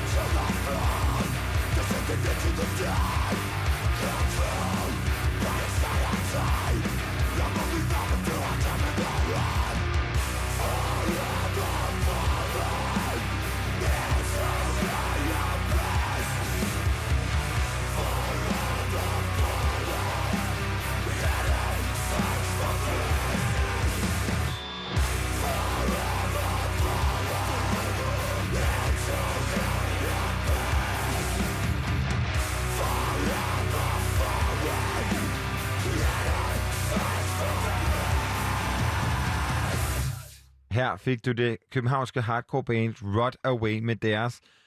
Jeg ved ikke, om det er et hit, men det er i hvert fald en sang, der hedder Next Hell og Isanaya. Hvornår vil du sætte det her nummer på? Uh, hvis jeg skulle sætte det på, ikke et ondt ord om Rodaway, men jeg er ikke lige en øh, metal kind of gal. Hvis jeg skulle sætte det på, så er det nok, hvis jeg øh, var mega vred på nogen og var i gang med at smadre mit værelse, for det sker jo. Ja, sådan noget med at kaste vaser ud af, vinduet, ikke? Altså, for man kan sige, selvom det er måske ikke noget musik, som jeg heller ikke vil sætte på, så er jeg så imponeret over den tekniske, altså sådan finesse Ja. bag det. Det var altså Rodaway, som vi har talt med på Uhørt Festival. Og øh, vi bliver sgu på Uhørt Festival. Der er to timers Uhørt Special her på Frekvens, og i midten af juli havde besøg af en Happy Life gut, som havde sin koncertdebut på netop Uhørt Festival. Vi fangede ham kort tid efter, han gik af. Markus Vav, du er netop gået af Uhørt Festival-scenen, hvor at du har spillet den sidste halve time. Hvordan var det? Det var angstprovokerende på fulde smadre, men øh, det var fedt. Det var nice at prøve at spille. Hvad var angstprovokerende ved det? At jeg aldrig har prøvet at spille før. Aldrig nogensinde en live-koncert. Jeg har prøvet at spille nogle gange før, men jeg har, jeg har ikke spillet for sådan et her stort crowd øh, før med min egen musik. Jeg har rappet et covernummer på efterskolen foran nok et større crowd, men stadig nøjeren. Men din ja. første sådan rigtig ægte ja. koncert. Og øh, hvordan var det at debutere på en festival som Uhørt Festival? Altså, hvordan var det at blive, som, blive sådan platformet af en, øh, en organisation som det her? Det var fedt. Øhm, det er... Det, ja, det er specielt. Øhm, det er lidt en, en mærkelig, en mærkelig sådan måde også at gøre det på, med alle, alle sidder ned. Øhm, men må, måske er det egentlig også meget fedt at bare blive kastet ud i det, når det er første gang, i forhold til at lad os sige, at det var et stort crowd, og det var stående, og det var første gang, man spillede. Så kræver det også lidt, folk danser. Og hvis de så ikke dansede til sin musik, så ville det jo være super nederen. Så det var, Ja, det var det, meget fedt. det, man, er, man er ligesom sikret, at, øh, at folk ikke danser ligegyldigt, hvor godt de synes, det er, fordi man er tvunget til at sidde ned på grund af de her Det det. corona-restriktioner. Jeg øh, så jo koncerten, og jeg fandt ud af, at altså, man kan godt danse siddende, ja. og øh, var, var ret glad for... Ret, altså, jeg synes, det var den sabel på sådan en lidt melankolsk måde, men det synes jeg, at passer det godt på øh, din musik, synes du selv? Jo, 100 procent. Altså, det er, det er jo igen, det er sådan, jeg, jeg, det er, altså, jeg, jeg tror ikke, at, at der er mange, der har det sådan, at det, de gerne vil gøre med musik, det er, at de gerne vil sådan, at, at der er en, en ting, altså, at man siger, og jamen, jeg vil gerne have, at folk føler det her, din og den. Sådan har jeg det faktisk ikke. Altså, jeg er, sådan, jeg, jeg er faktisk virkelig ligeglad. Jeg har det sådan, hvis folk kan føle noget ud af det, jeg laver, så er jeg mega glad for det, men i virkeligheden handler det jo om, hvad man gør selv. Fordi det er svært at gå i et studie og tænke, jeg vil gerne have, at folk får den her følelse, og så lave noget musik. Fordi hvis du bare gør det for din egen skyld, så kan folk enten følge med eller lade være. Altså, Og øh, som sagt, så var det her jo din første øh, koncert nogensinde for et publikum, som ikke var din efterskole. Hvordan har du forberedt dig? Altså, har du siddet og set nogle af dine favorit live-optrædener og kopieret fra dem, eller hvad har du gjort der af forberedelse? Vi har været i øvelokalet nogle gange og, og øvet det hele op, fordi vi havde liveband med. Øhm, og det var jo super nice at, at have det. Øhm, men jeg har, nej, vi har ikke, altså, jeg, jeg tror, jo, altså jeg ser videoer og ser hvordan, men jeg tror ikke, jeg kopierer det, fordi at jeg har det sådan lidt, at lige så snart, at man står på scenen, så er det lige meget, hvor meget man har siddet og kigget på en YouTube-video, så er det ikke sådan, du har det, når du er der. Så er du bare enten dig selv, eller også er du, altså, du ved, det, det, man kan ikke tage en anden rolle på, fordi i hvert fald, sådan, som jeg har det, så det sagde jeg, kom, kom jeg også til at sige, hvilket jeg også tænker lidt over nu, men min, min ben blev fucking vimgummier, altså jeg havde det sådan helt, helt nøjeren, så det, der tænker man sgu ikke over at være mega sådan, eller sådan. Men man så det heller ikke, vil jeg sige. Men hvad med sådan noget bevægelser, eller om du skulle danse eller ej? Hvad har du tænkt på det? Jeg synes, det var sværere at danse og gøre alt muligt fedt, når folk sidder ned. Hvor at det kunne jeg jo godt have gjort, men igen så er det også sådan, at det er, hvad det er, når man skal sidde ned. Så et eller andet sted har jeg det også sådan, hellere bare nyde musikken, nyde teksterne, nyde produktionerne, nyde alt arrangementet bag med trommer og med bas. Fordi hvis jeg danser rundt, hvad, i, min op, i, min, i min optik, så hvad fuck gør forskellen? Fordi det er jo sådan, vi kan ikke, vi kan ikke feste til det her. Så her synes jeg egentlig også, at det er et godt fokus, man får på at fokusere på lyrikken, fokusere på arrangementet, og så om jeg står og danser, eller om jeg står stille og roligt på scenen og synger min sang, det er irrelevant. Så på en eller anden måde er du faktisk taknemmelig for de her coronarestriktioner i form af, at musikken får lov til at leve alene, eller hvad? 100 procent. Okay. Jeg synes, det er rart, at folk lytter til, hvad jeg siger, i stedet for at kigge på, hvad jeg gør. Altså, det er et eller andet sted, så fuck, om man danser rundt. Det er skide lige meget. Altså, fordi at sangen i sig selv, det er jo en sang, jeg, har, jeg, jeg skriver kun lyrik, som er tæt på mig og handler om mine følelser. Så når jeg gør noget, så føler jeg hellere, at jeg vil have, at de lytter, end de vil have, at jeg kigger på, om jeg danser fedt. Fordi fuck at dans fedt. Altså, jeg danser ikke sejt. Jeg har ikke gået til dans. Eller sådan. Hvad med, hvad du har taget på? Du har jo en, en rød trøje og en øh, hvid bøllehat, og måske har den været mere hvid, end den er i dag. Og så Ja. nogle beige øh, fløjlsbukser og nogle sneakers. Ja. Og på scenen havde du også solbriller på. Ja. Hvad øh, havde du tænkt over, da du tog det tøj på? Det, det var jo din debut. Jamen, den tanke, jeg havde, var bare egentlig bare, at jeg vågnede op og tog et bad og tog noget tøj på, for at være helt ærlig. Og jeg har ikke rigtig lyst til at gøre alt muligt ud af det, fordi at jeg føler nogle gange også, at det kan blive rigtig sådan... Øhm, iscenesat. Og det føler jeg ikke, at det skal være det. Jeg føler, at når folk kører det, vi laver, så skal de se mig og se, hvordan jeg er. Og der skal ikke have været en anden, der har sagt, hvordan jeg skal se ud, eller gøre dit og datten, for det er det her, jeg er på hver dag. Solbrillerne er mere fordi, at jeg, jeg har angst. I, jeg har meget, meget angst, faktisk. Øh, og synes, det er rigtig svært at stå foran mange mennesker. Så mine solbriller gør lidt ligesom, at jeg får sådan et Superman-skjold til ligesom at, at fungere. Og der er mange, der vil kommentere på, at det er en dårlig idé, men et eller andet sted, så har jeg det sådan, det er det vigtigste af, hvad der er godt for mig, fordi det er mig, der skal stå der, og det er ikke dem, der skal fortælle mig, hvad jeg skal gøre. Fra publikums perspektiv er det jo også lidt sådan en eller anden, jeg ved ikke, om man vil kalde det bad, men det er på en eller anden måde sådan lidt en distancering, som jeg synes passede ret godt til det her sådan meget følsomme univers. Det gav en eller anden del til det, men du kunne stadigvæk se ud igennem den. Det var jo ikke en decideret øh, maske, ligesom Sia gør. Mm. Kunne du spotte nogle i publikum? Var det nogen, hvor du tænkte, gud, hvor sjovt? Eller, altså, hvad tænkte du, når du kiggede ud? Jeg tror, at det var, sådan, det var svært at reagere på, når folk sidder ned igen, fordi det er, sådan, at det, det er svært at se, fordi at jo, folk var med, og folk, jeg kunne også se, at folk tog stories og whatever, sådan på den måde, men igen, så er det også det der med, at jeg, jeg synes, det vigtigste er at kigge ud, sørge for, at, sådan der, at du er med, men om du har det ene eller det andet på, er irrelevant på den måde. Men øh, hvad så havde du, hvad man kan sige, hvad du havde på din krop er irrelevant, men hvad du havde med på scenen er nok ikke så irrelevant. Nej, altså... Hvad havde du taget med? Det er min sjæl. Jeg, jeg tager min sjæl med, når jeg gør noget. Jeg tager, tager, hvad Markus er. Og så kan man enten vælge at lide eller lade være. Og meget apropos det, du har i hånden og lige tager en slurk af nu, så havde du også to øl med, jeg synes, du fik drukket absurd hurtigt. Men jeg kan rigtig godt lide øl. Og jeg kan rigtig godt lide at drikke øl. Og jeg synes, det er dejligt at, at have det med, fordi at det, det tager også en, en, lille, en, en lille angst af noget af det, og det synes jeg skulle også er okay at gøre, fordi at jeg tror, det der med, når man, når man laver musik, og når man skal spille, og specielt i en, i en branche, der er meget farverig, og på den måde, sådan, det bliver meget sådan, du skal gøre sådan her, du skal dit og datten. Et eller andet sted er jeg fucking ligeglad, for jeg har det sådan, hvis du, gerne, hvis du godt kan lide musikken, så kommer du for musikken, og så er det irrelevant, hvordan jeg ser ud, eller hvordan jeg gør, eller hvor mange bajer jeg drikker, eller sådan, altså, fordi at det er sådan, det er, det er musikken, vi kommer for. Og jeg, jeg kommer aldrig til at blive et, et statueret øh, på den måde. Jeg er ikke særlig stilfuld. jeg er ikke særlig på den måde. Jeg kan godt lide at lave musik. Jeg kan godt lide at drikke mig fuld og lave en sang. Og, og det er det, der kommer. Og udover alkoholen, der hjælper dig med at lave en sang, så havde du også tre venner med på scenen. Hvem var det? Det var øh, tre af mine rigtig gode venner, hvilket jeg også synes er rigtig dejligt, når man skal spille, at man kunne hurtigt bare gå ud og finde en bassist og finde en, en, en, der, en trommeslager. Men det er to af mine rigtig gode venner, der spiller, der spiller trommer og bas, og så er det min bedste kammerat Andreas, der, der producerer alle tingene, der står for alt det andet. Øhm, og det gør, det gør bare rigtig meget for mig, at det er sådan nogen, jeg er trygge ved, i stedet for, at det kan blive sådan noget... Nu sidder jeg med nogen, som bare er nogen, der spiller for at spille og får nogle penge og sådan whatever. Og øh, I spillede jo en øh, lang, dejlig setliste, og også noget musik, jeg ikke føler, jeg har hørt før. Hvordan væ- vælger man øh, sådan rækkefølgen af sin debutkoncert, altså setlisten? Øhm, det tror jeg også er meget i forhold til, at vi har været flere om at sidde og vælge, hvad der skal være med i rækkefølgen også. Men det handler også meget om, at nu tager vi op, nu tager vi ned, og nu tager vi lidt op igen, så tager vi to numre op, så tager vi lidt ned igen. Det handler meget om det der med at få dem op, og så få dem lidt ned og sådan køre det i, i sådan en flow, der kører godt. Og øh, du gav dig jo selv 12 ud af 10 øh, fra din debutkoncert. Står du stadig ved den, eller var det rosen?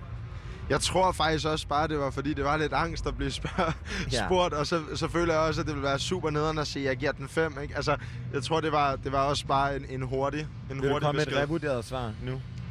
Jeg synes, det gik godt. Jeg synes, at øh, jeg kunne måske godt have været lidt mere i live. Men igen, så nervøsitet er en nervøsitet, og det må man også bare acceptere med. Jeg synes, du gjorde det godt, og du dansede jo faktisk. Altså, der var lidt, lidt. øh, ja, og du lavede også lidt billedsprog med din krop, par lidt rundt. Det var dejligt. Og øh, du fortalte blandt andet også, at du hader C-stykker, politiet og DSB. Hvad er der med dig og de C-stykker? Øhm, det er, at jeg føler, at C-styk er sådan et handjob uden ende. Altså, det er, sådan, det, det, det er sådan en lang periode, hvor man sidder og bare bliver fucking mere og mere kedelig. Og, og det synes jeg sådan... Jeg kan ikke så godt lide C-stykker. Jeg synes ofte, C-stykker er det kedeligste punkt i sangen. Men Hvorfor har du dem så med i din sang? Men Det har jeg også nogle gange, fordi at, altså, det er også meget fedt at få lov til at snakke lidt i løbet af sangen. Og det er også, altså nogle gange fungerer, altså vi har lavet en sang, der hedder Nogle Steder, hvor jeg synes C-stykket fungerer mega godt. Og hvis sangen tager det over til et C-stykke, der fungerer godt, så er det fedt. Øhm, og så tror jeg, at det med DSB og politiet, det er fordi, jeg ikke kan lide nogen af delene. Øh, 13-12 derudaf. men, men sådan, jeg tror også, alt hvad der har været på det seneste stykke tid, kan folk bedre forstå, hvorfor folk ikke kan lide politiet. Jeg har haft nogle dårlige oplevelser. Jeg blev afhørt første gang i anden klasse, hvor der sad en stor, fed politibetjent, der råbte mig ind i hovedet, indtil jeg pissede mig i bukserne. Jeg har det ikke godt med politiet, og jeg synes, de er nogle fucking røvhuller oftest. Der findes også gode politimænd, for det handler om mennesker, og det handler om mennesker, der går ind i politiet, men, men de mennesker har et ansvar. Og hvis de ikke kan bære det, så skal de ikke være politimænd. Har du haft et happy life, øh, din, siden den single udkom? Nej, altså, der er altid op- og nedtur, og jeg tror, at det er, sådan, det er også svært, når man laver musik, og så også skulle snakke om sit liv, men, men nej, altså, jeg har det sgu stadig nederen oftest, og det, det har alle mennesker, tror jeg, og det er op og ned. Øhm, der har været en masse ting at slås med, øhm, rigtig meget, men det er, det er sgu også, altså selvom det er så fucking kliché, så handler det lidt også om carpe diem. Fucking sådan, kom i gang med dagen og få dig et bad og vask din krop, kom i gang, kig dig selv i spejlet og sig, du er fed og kom i gang med dagen. Og øh, det leder mig til, at jeg er nødt til at spørge, har du fået flere tatoveringer siden sidst? Det har jo trods alt gået næsten to måneder. Desværre ikke, mand. Altså, du- hvis har jeg havde haft råd, så havde jeg gjort det. Hvad vil du gerne have haft lavet? Jeg har så mange. Øhm, den næste, jeg skal have, det er en... Øhm, Er det Radio Loud på tværs af Radio? Loud, den, den, altså, hvis Radio Loud vil sponsorere mig, så får jeg en Radio Loud-tatovering. Det skal du ikke sige to gange. Men så siger jeg det tre gange. Okay. Radio Loud skal sponsorere mig til en tatovering. Radio Loud skal sponsorere mig til en tatovering. Radio Loud skal sponsorere mig til en tatovering. Hermed manifesteret af Helt Markus sikkert. Vav. 100. Øhm, næste plan er en, øh, en, en stor... Øh, øh, hvad hedder det, sådan et portræt af Donald Trump i en øh, i, i, i, i sådan skriftform, så det sådan er, er øh, kun i, ja, det matcher mine andre, andre tatoveringer, det er kun streger, og så står der spis min lort over, øhm, og det handler om, at det der med, hvor meget sådan lort Donald Trump smider ud, og hvor meget fucking folk spiser det, og, og ikke rigtig gør noget ved det. Og det synes jeg er et meget godt sådan, statuering af, hvor vi sidder i dag, hvilket jeg Ja, det synes jeg bare. Og, den, ja, og så er der en anden en, hvor det er Tupac, hvor at han har mine tatoveringer i stedet for hans egen. Okay, så lidt Ja. meta. Ja, fordi ja. At, at min på maven er jo inspireret af Tupac. Så i stedet for, at han har Thug Life Life. på Yes. maven, så er det så Happy Life. Og så har han øh, Lacoste op på brystet også i stedet for. Og øh, til allersidst, inden at vi siger tak for i dag, og lader lydprøven bag os fortsætte, så øh, lovede du os jo, at din næste sang skulle indeholde et helt særligt instrument. Du sad både og krydsede ben og arme og fortalte os alle mulige løgnhistorier om gravide venner og sådan noget. Men, men kan du huske, hvad det var for et instrument? Det kan jeg faktisk ikke på stående fod, men jeg har også fået min, min slat af bajersaft i aften til, at jeg lige Du lovede os, at den næste Markus Vav udgivelse indeholder et airhorn. Så jeg bliver selvfølgelig nødt til at spørge, hvordan går det med, med den inkorporering? Vi laver rigtig meget musik, og øh, rigtig meget. Kommer der politikersvar nu? Øhm, hvad, hvordan er det, det går? Det er sådan, hvor man taler rundt om, men man svarer ikke. Okay, jamen det vil jeg gerne svare på. Og jeg, jeg har ikke lyst til at associeres med politikere, fordi jeg synes, mange af dem er hul i hovedet.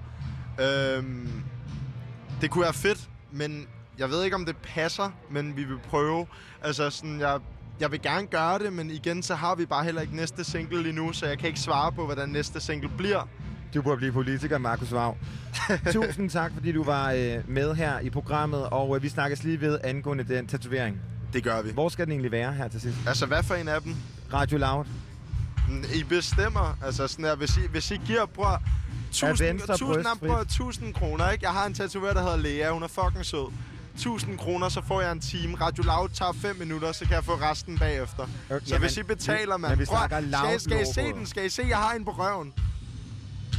Jeg har min chefs navn på røven, fordi han gav mig 300 kroner. Sådan der. Bror, jeg, jeg, jeg, Okay. jeg er til salg Jeg for så tror lige, vi skal have et billede af det der. Ja, til de det lytter. får det I bare, ikke visuelt, ikke? Jo, men altså 100... Men 100. skål, og tak, tak, fordi du var med.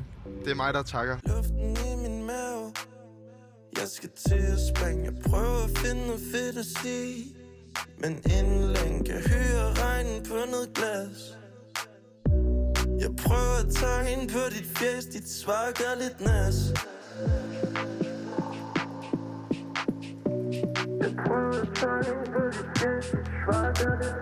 Finder mig selv i at finde dig. Alt eller intet eller ikke mig. Sejler herfra, jeg sæt sejl Måske skal vi bære for sig.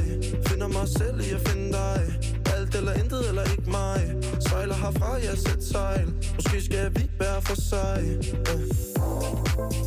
Hver for sig, yeah. For sig,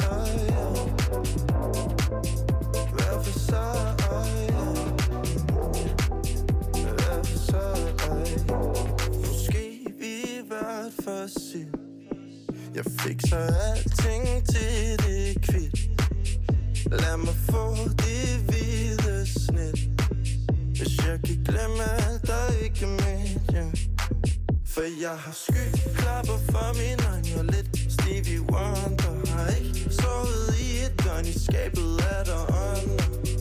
Så jeg har svært ved det lige nu. Når jeg har følelser der er i to Finder mig selv i at finde dig. Alt eller intet eller ikke mig. Sejler herfra, jeg sæt sejl Måske skal vi være for sig. Finder mig selv i at finde dig. Alt eller intet eller ikke mig. Sejler herfra, jeg sæt sejl Måske skal vi være for sig. Yeah. Hver for sig, øh. yeah. Hver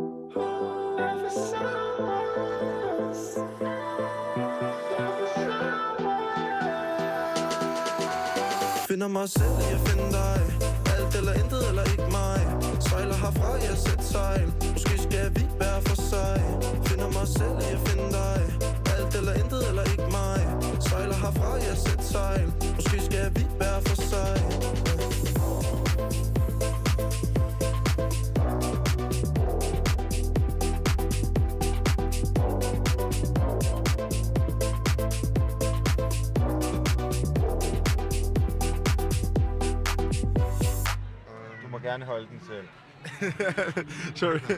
altså, det, så, så corona-angst er jeg heller ikke, vel? Jeg kan altid spritte den af. Men du multitasker lidt, både det. med en, øh, en øl og en cigaret. Det gør jeg. Det er gør det jeg. sådan en øh, klassisk efter at have spillet ting for dig? Men Det har jeg ikke prøvet før, jo, så det, det ved jeg faktisk ikke. det, det er første gang. Korrekt. Men det, det må jeg bare tage med mig til en anden gang så. Her fik du Markus Svav med nogle steder en kæmpe banger. Isenaya, vi runder af på Uhørt Festival, og nærmest også på din og min dejlige, dejlige aften her i radioen. Ja. Og øh, det gør vi med Faber, som øh, Benjamin Clemens simpelthen også snakkede med. Lyt med. Faber, du har simpelthen lige åbnet uh, gårdscenen her på Uhørt Festivalens første dag. Hvordan har du det lige nu? Åh, jeg er lidt varm i hovedet.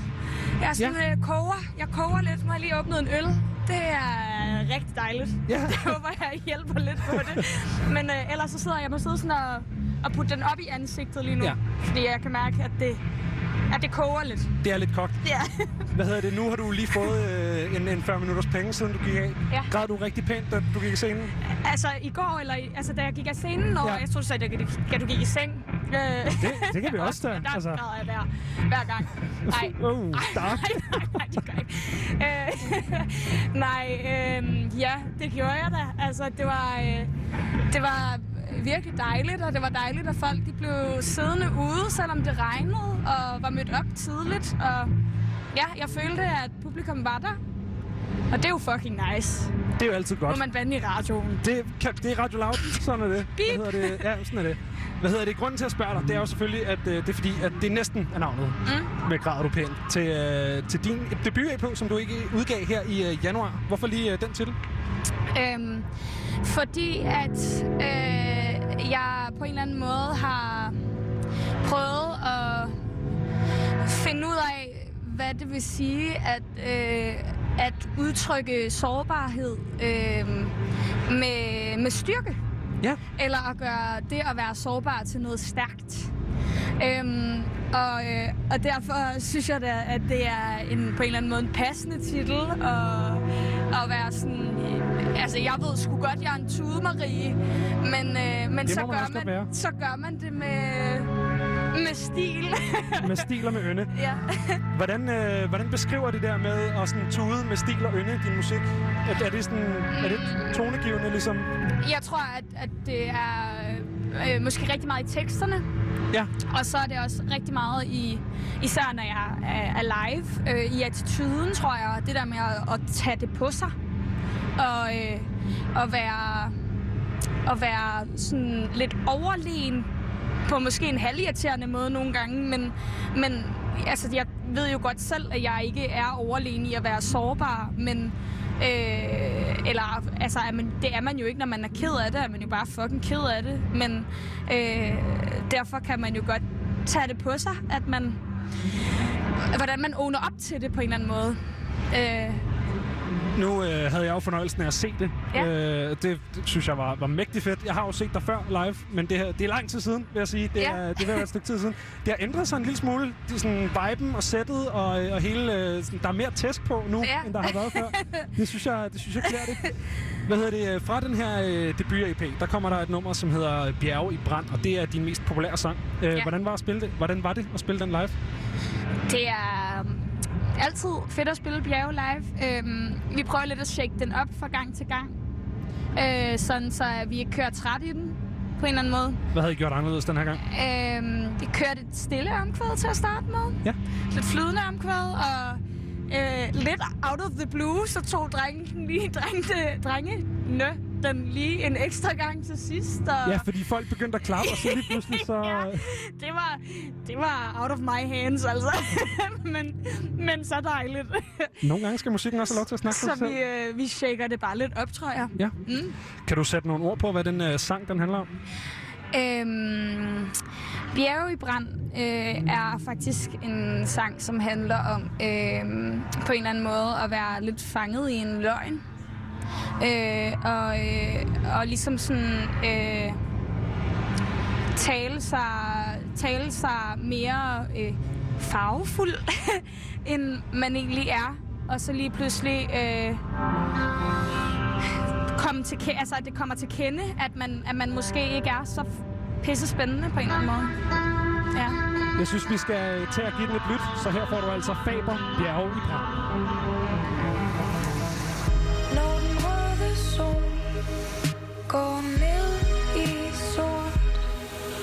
Og hun glemte det, hun lovede at holde.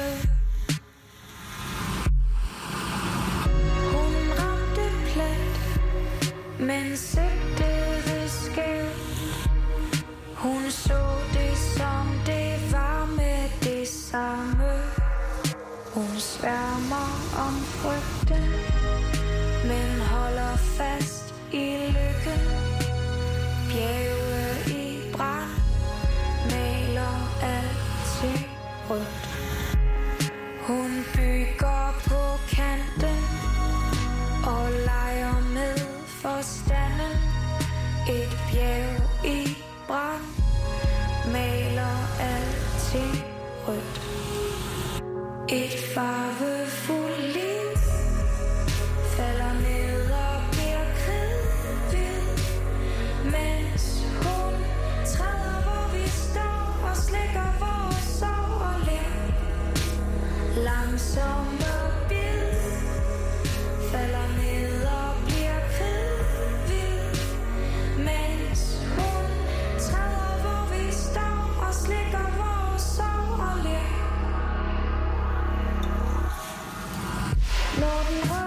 sol Lukker om sig selv Og løgnene bliver klemt inde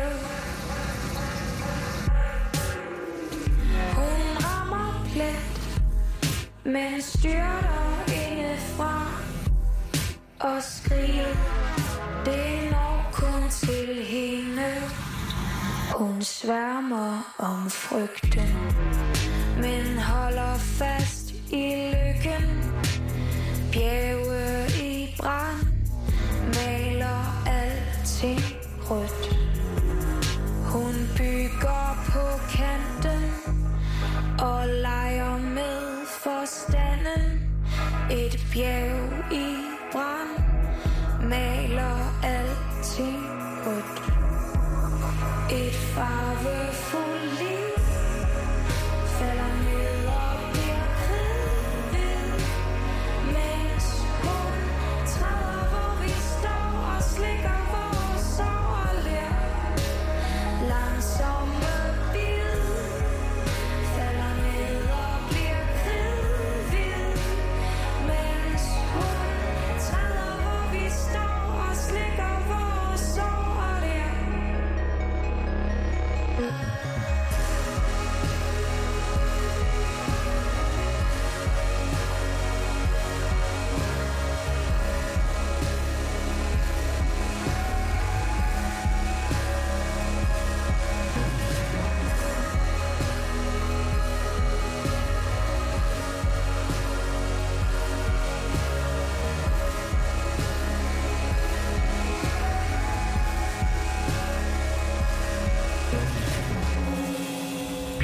brand her fra Faber, du lytter til frekvens her på Radio Loud.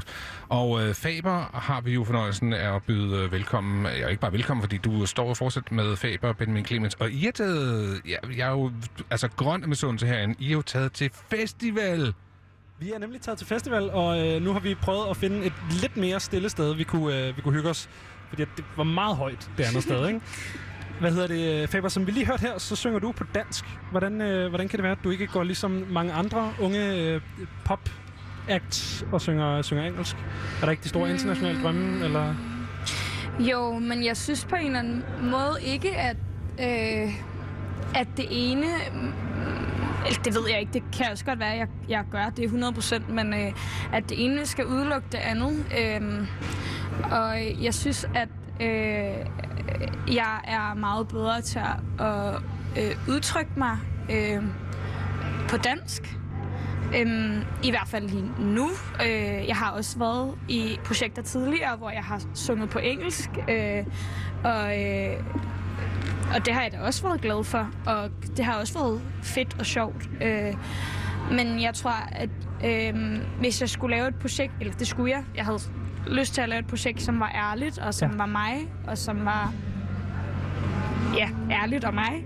Øh, og det, det synes jeg øh, hang sammen med, at jeg skulle skrive på dansk. Ja, som du selv er lidt inde på, så, så bruger du jo... Altså, det, det er jo det der, der ligger i at være bedre til at bruge det danske sprog. Mm. Men du bruger det jo også på en meget, øh, meget billedlig måde, som vi lige hørte her øh, i Bjerge Brand. Jeg har et øh, sådan tekstuddrag. Et farvefuldt liv falder ned og bliver kridhvid, mens hun træder, hvor vi står og slækker vores sår og ler.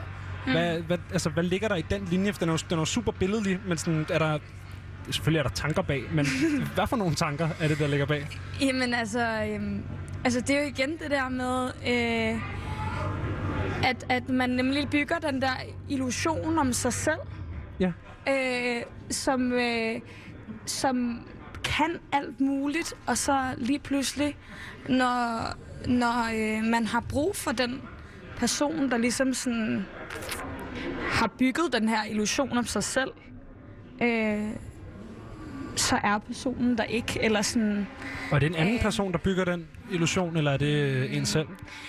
Jamen, øh, det kommer jo an på, hvem det er, der, der bygger en illusion, kan man sige. Og Ja, okay. altså sådan, i, i min situation, så, øh, så handler den her sang øh, ikke om mig, øh, men om en anden. Øh, og øh, jeg tror, der er altså, det, den, kunne, den kunne snilt have handlet om mig selv. Ja. Men, men øh, det er mere et portræt af en Den er, en den, den er skrevet med andre i tankerne. Ja. Hvad hedder det? Er der nogen særlige sådan, artister eller, eller mennesker, der har inspireret dig og din måde at skrive tekster på? Er der nogen, der sådan... Jeg lagde mærke til, at du havde et uh, Medina-cover i dit sæt. kan det passe? Ja. Ja. Ja. Hvorfor, hvorfor lige hende? Mm, fordi hun er røvsej. Det er hun. Altså sådan, det øh, kan man sige så meget. Om, altså, og jeg ved heller ikke, om hun er... Altså, hun er heller ikke... Der er mange ting, som sådan...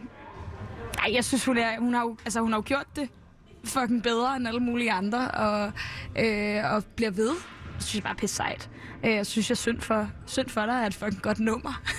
Som jo var det, du... som var øh, det, jeg ja. har lavet det cover af. Øhm, Er hun en af dem, der har, der har inspireret dig og din lyd Ja. eller dit tekstunivers? Jeg er faktisk rigtig, øh, jeg er faktisk altså mest inspireret af internationale kunstnere, hvilket også er lidt sjovt. Øh, men jeg er meget inspireret af FK Twix, og jeg er Ja. meget inspireret af øh, Bjørk.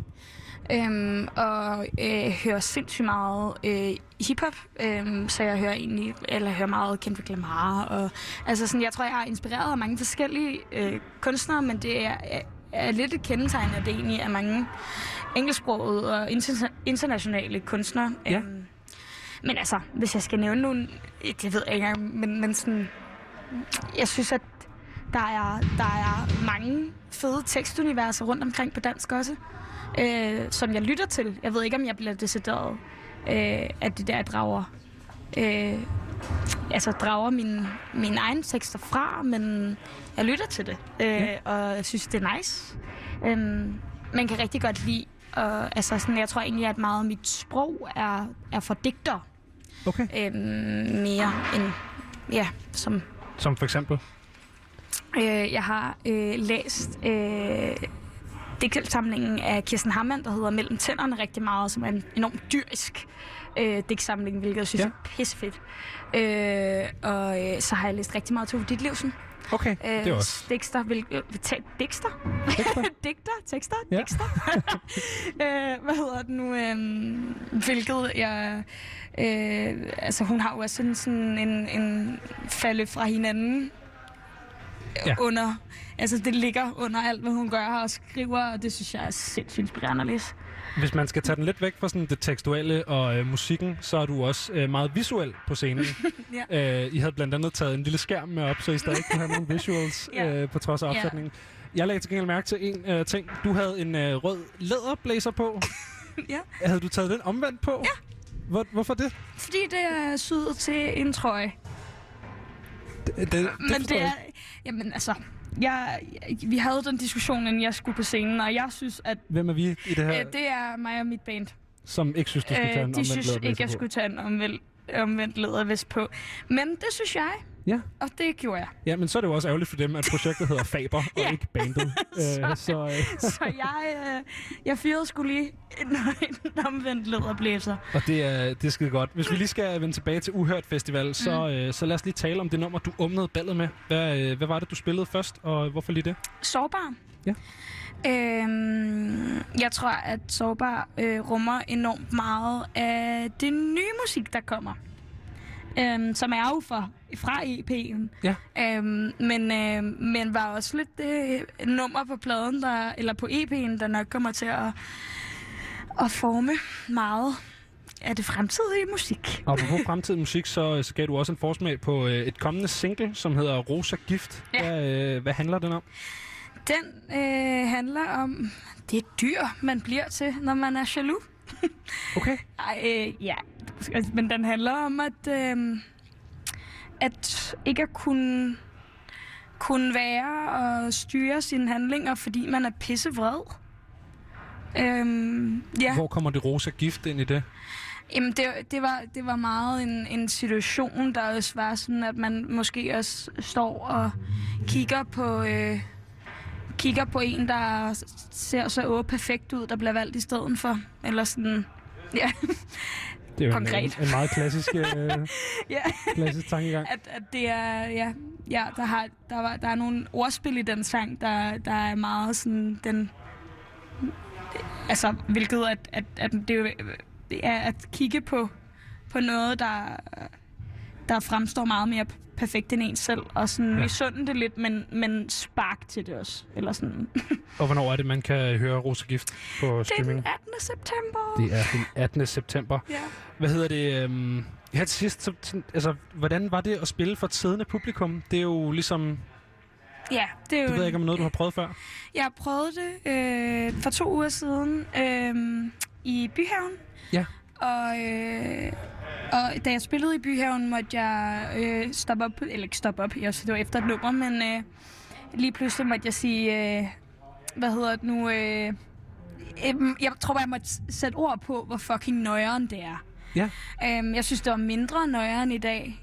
Øhm, men, men, øh, men jeg synes stadig, det er nøjeren. Og så begyndte det at regne på folk, imens de sad ned. Og hvem vil have det? altså, sådan, det er jo også bare...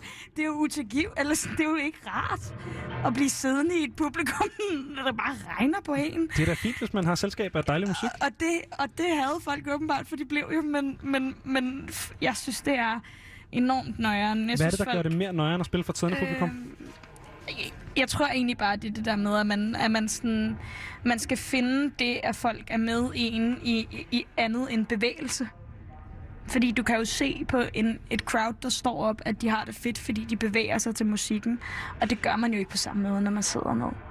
Øhm, men, men så kan man se det i folks øjne, og man må kigge lidt ekstra. Og, øhm, og det er jo også bare en måde at komme tættere på, på ens publikum. Øh, sit publikum. ja. Viola, tusind tak for, at øh, jeg måtte snakke med dig. Jamen, jeg synes, vi skal høre den sang, som du åbnede ballet med. Her får du Faber Sårbar. Vi når desværre ikke at øh, høre Faber Sårbar, men øh, her til slut, så vil jeg høre dig, Isanaya. Ja, Christian. Nu var du jo ikke på Uhørt Festival i år. Nej. Men øh, hvad kan man glæde sig til? Du har jo et program, som handler om koncerter. Så hvad er det næste, man kan tage til, for at man ligesom kan mærke sådan en koncertfølelse? Byhaven er et godt eksempel. Ja, det er det. Det er der altid. Altså, øh, der, er- der, der er... Der er jo mange ting, der er begyndt at åbne op igen, så jeg vil, øh, jeg vil gå ud og lede efter de spillesteder, som jo er begyndt at, at holde siddende koncerter. Ja, som, jeg ved øh, for Vega eksempel- og Posten Ja. i Odense og så videre. Vega rigtig meget, mm. og jeg glæder mig blandt andet, som vi også talte med her i aftens program, til at høre Følelsom, som spiller i Byhaven, og også har koncerter i Aarhus. Ja. Men uh, Isanaya, det er slut med dig og mig for i aften. Tak for endnu en dejlig Det har aften. været så hyggeligt. Altid så hyggeligt. Klokken er 21, og her kommer nyhederne.